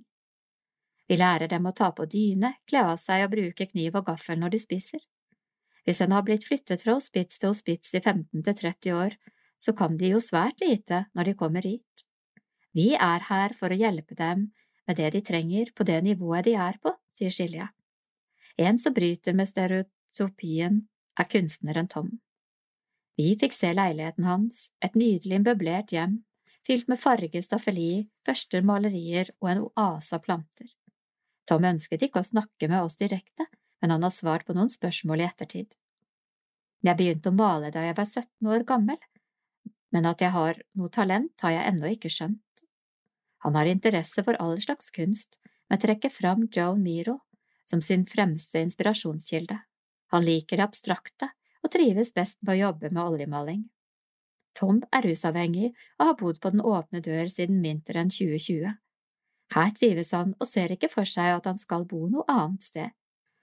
Han deltar på felleslunsj hver dag, der traktekaffen er det viktigste påskuddet for å komme. Leiligheten er plettfri, under stuebordet er sprøyte spøytespisser og annet utstyr plassert ryddig og oversiktlig. På veggene er det hengt opp både malerier, fotografier og utklipp fra magasiner. I vinduskarmene og på gulvet har han samlet en stor gruppe med planter. Han har plassert en lampe over dem på gulvet, slik at de også skal få godt med lys. Kunstneren sier det er en sammenheng mellom planter og malerier. Man kan sette sammen planter slik at de danner en estetisk helhet på samme måte som man kom komponerer et bilde. Planter krever omsorg og pleie, men det koster meg ingenting. Planteholdet ligger latent, og jeg har sett, stort sett hatt det sånn hele livet, sier Tom. Å gjøre noe sammen. På den åpne dør får beboerne fire måltider i døgnet, utlevering av medisiner, LAR-utlevering, og det er en tilsynslege som kommer på ukentlig basis. I hverdagen bistår vi alle ved å holde struktur, komme i kontakt med samarbeidspartnere, ordne med økonomi, hjelpe dem med gjeld, mange har veldig mye gjeld. Vi gjør også morsomme ting sammen, smiler til Silje. Hun forteller at de på søndager har filmkveld der de synes det er hyggelig å gjøre litt ut av en spennende fotballkamp, om det er cup for eksempel. På tirsdag går de tur sammen, der de gjerne kjøper med en kaffe på veien. På onsdager er det hobbykveld med maling, tegning og puslespill. Noen liker å strikke. Alt er frivillig, men da har beboerne muligheten til å bli med på noen morsomme ting i løpet av uka om de vil det. Vi feirer selvsagt halloween og jul sammen også. Bingo på torsdager er populært, og der er gevinsten en pakke med røyk. Det må jo være noe som de synes er gøy å vinne, sier Silje. Kongen på haugen. En som er glad i bingo, er Gunnar 68. Ja, jeg liker bingo. Det er gøy å vinne, sier han og peker bort på nattbordet ved siden av senga. Der står flere uåpnede torsdagsgevinster stilt opp på rekke og rad. Velkommen til slottet mitt. Det er jeg som har den fineste leiligheten, fastslår han med klar bergensdialekt og setter seg godt ned i sofaen sin. Kompis har blitt med opp i fjerde etasje og hopper fort opp på fanget hans. Gunnar er rusavhengig, det har han vært nesten hele livet, ifølge ham selv. Han har vært på den åpne dør i fire år og disponerer en stor leilighet. I tillegg til at Gunnar har stue, soverom, kjøkken og bad, har han også egen balkong. Det er det ingen andre som har. På stuebordet foran ham står det et par åpne ølbokser, en tallerken fylt med sneiper, en pakke med rømmedressing, sigaretter og annet småtteri. Gunnar tar opp en sneip fra tallerkenen og tenner på. Han tar et trekk og lener seg tilbake. Jeg var født alkoholiker. Jeg begynte å drikke alkohol som 17-åring, og siden har det ikke vært noen vei tilbake. Ikke ønsker han å slutte heller. Jeg er gammel, jeg vil bare ha det rolig, være for meg selv og gjøre det jeg vil, sier han og klør kompis bak øret. Han forteller at han har det fint på den åpne dør, men er klar for å komme seg videre på en kommunal bolig.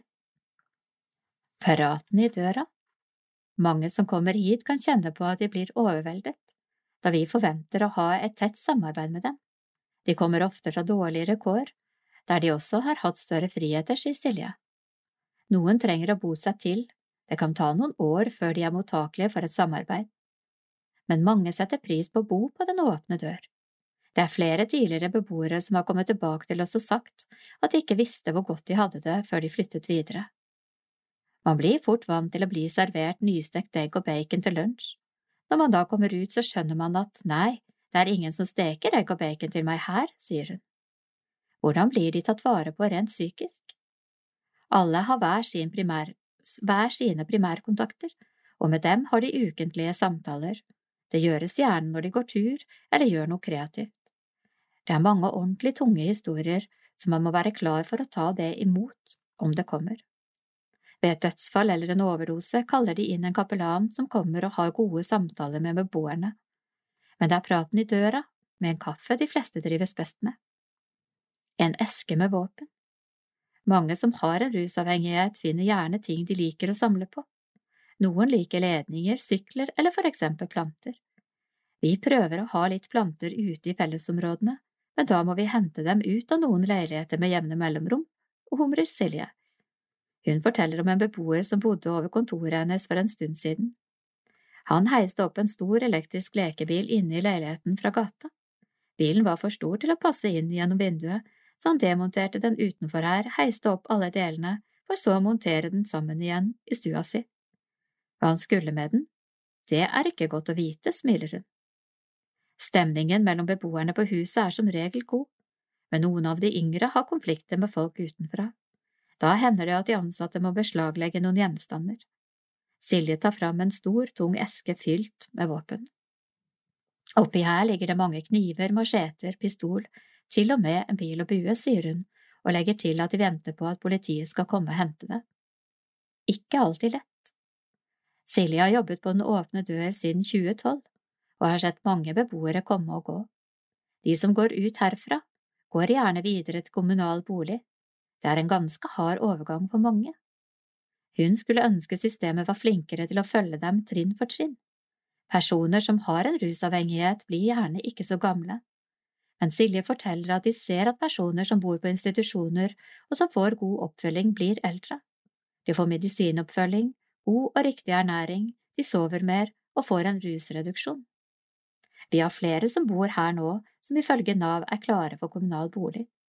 De har ryddet opp i tannhelse, har kanskje fått orden på økonomien og har stabilisert medisineringen.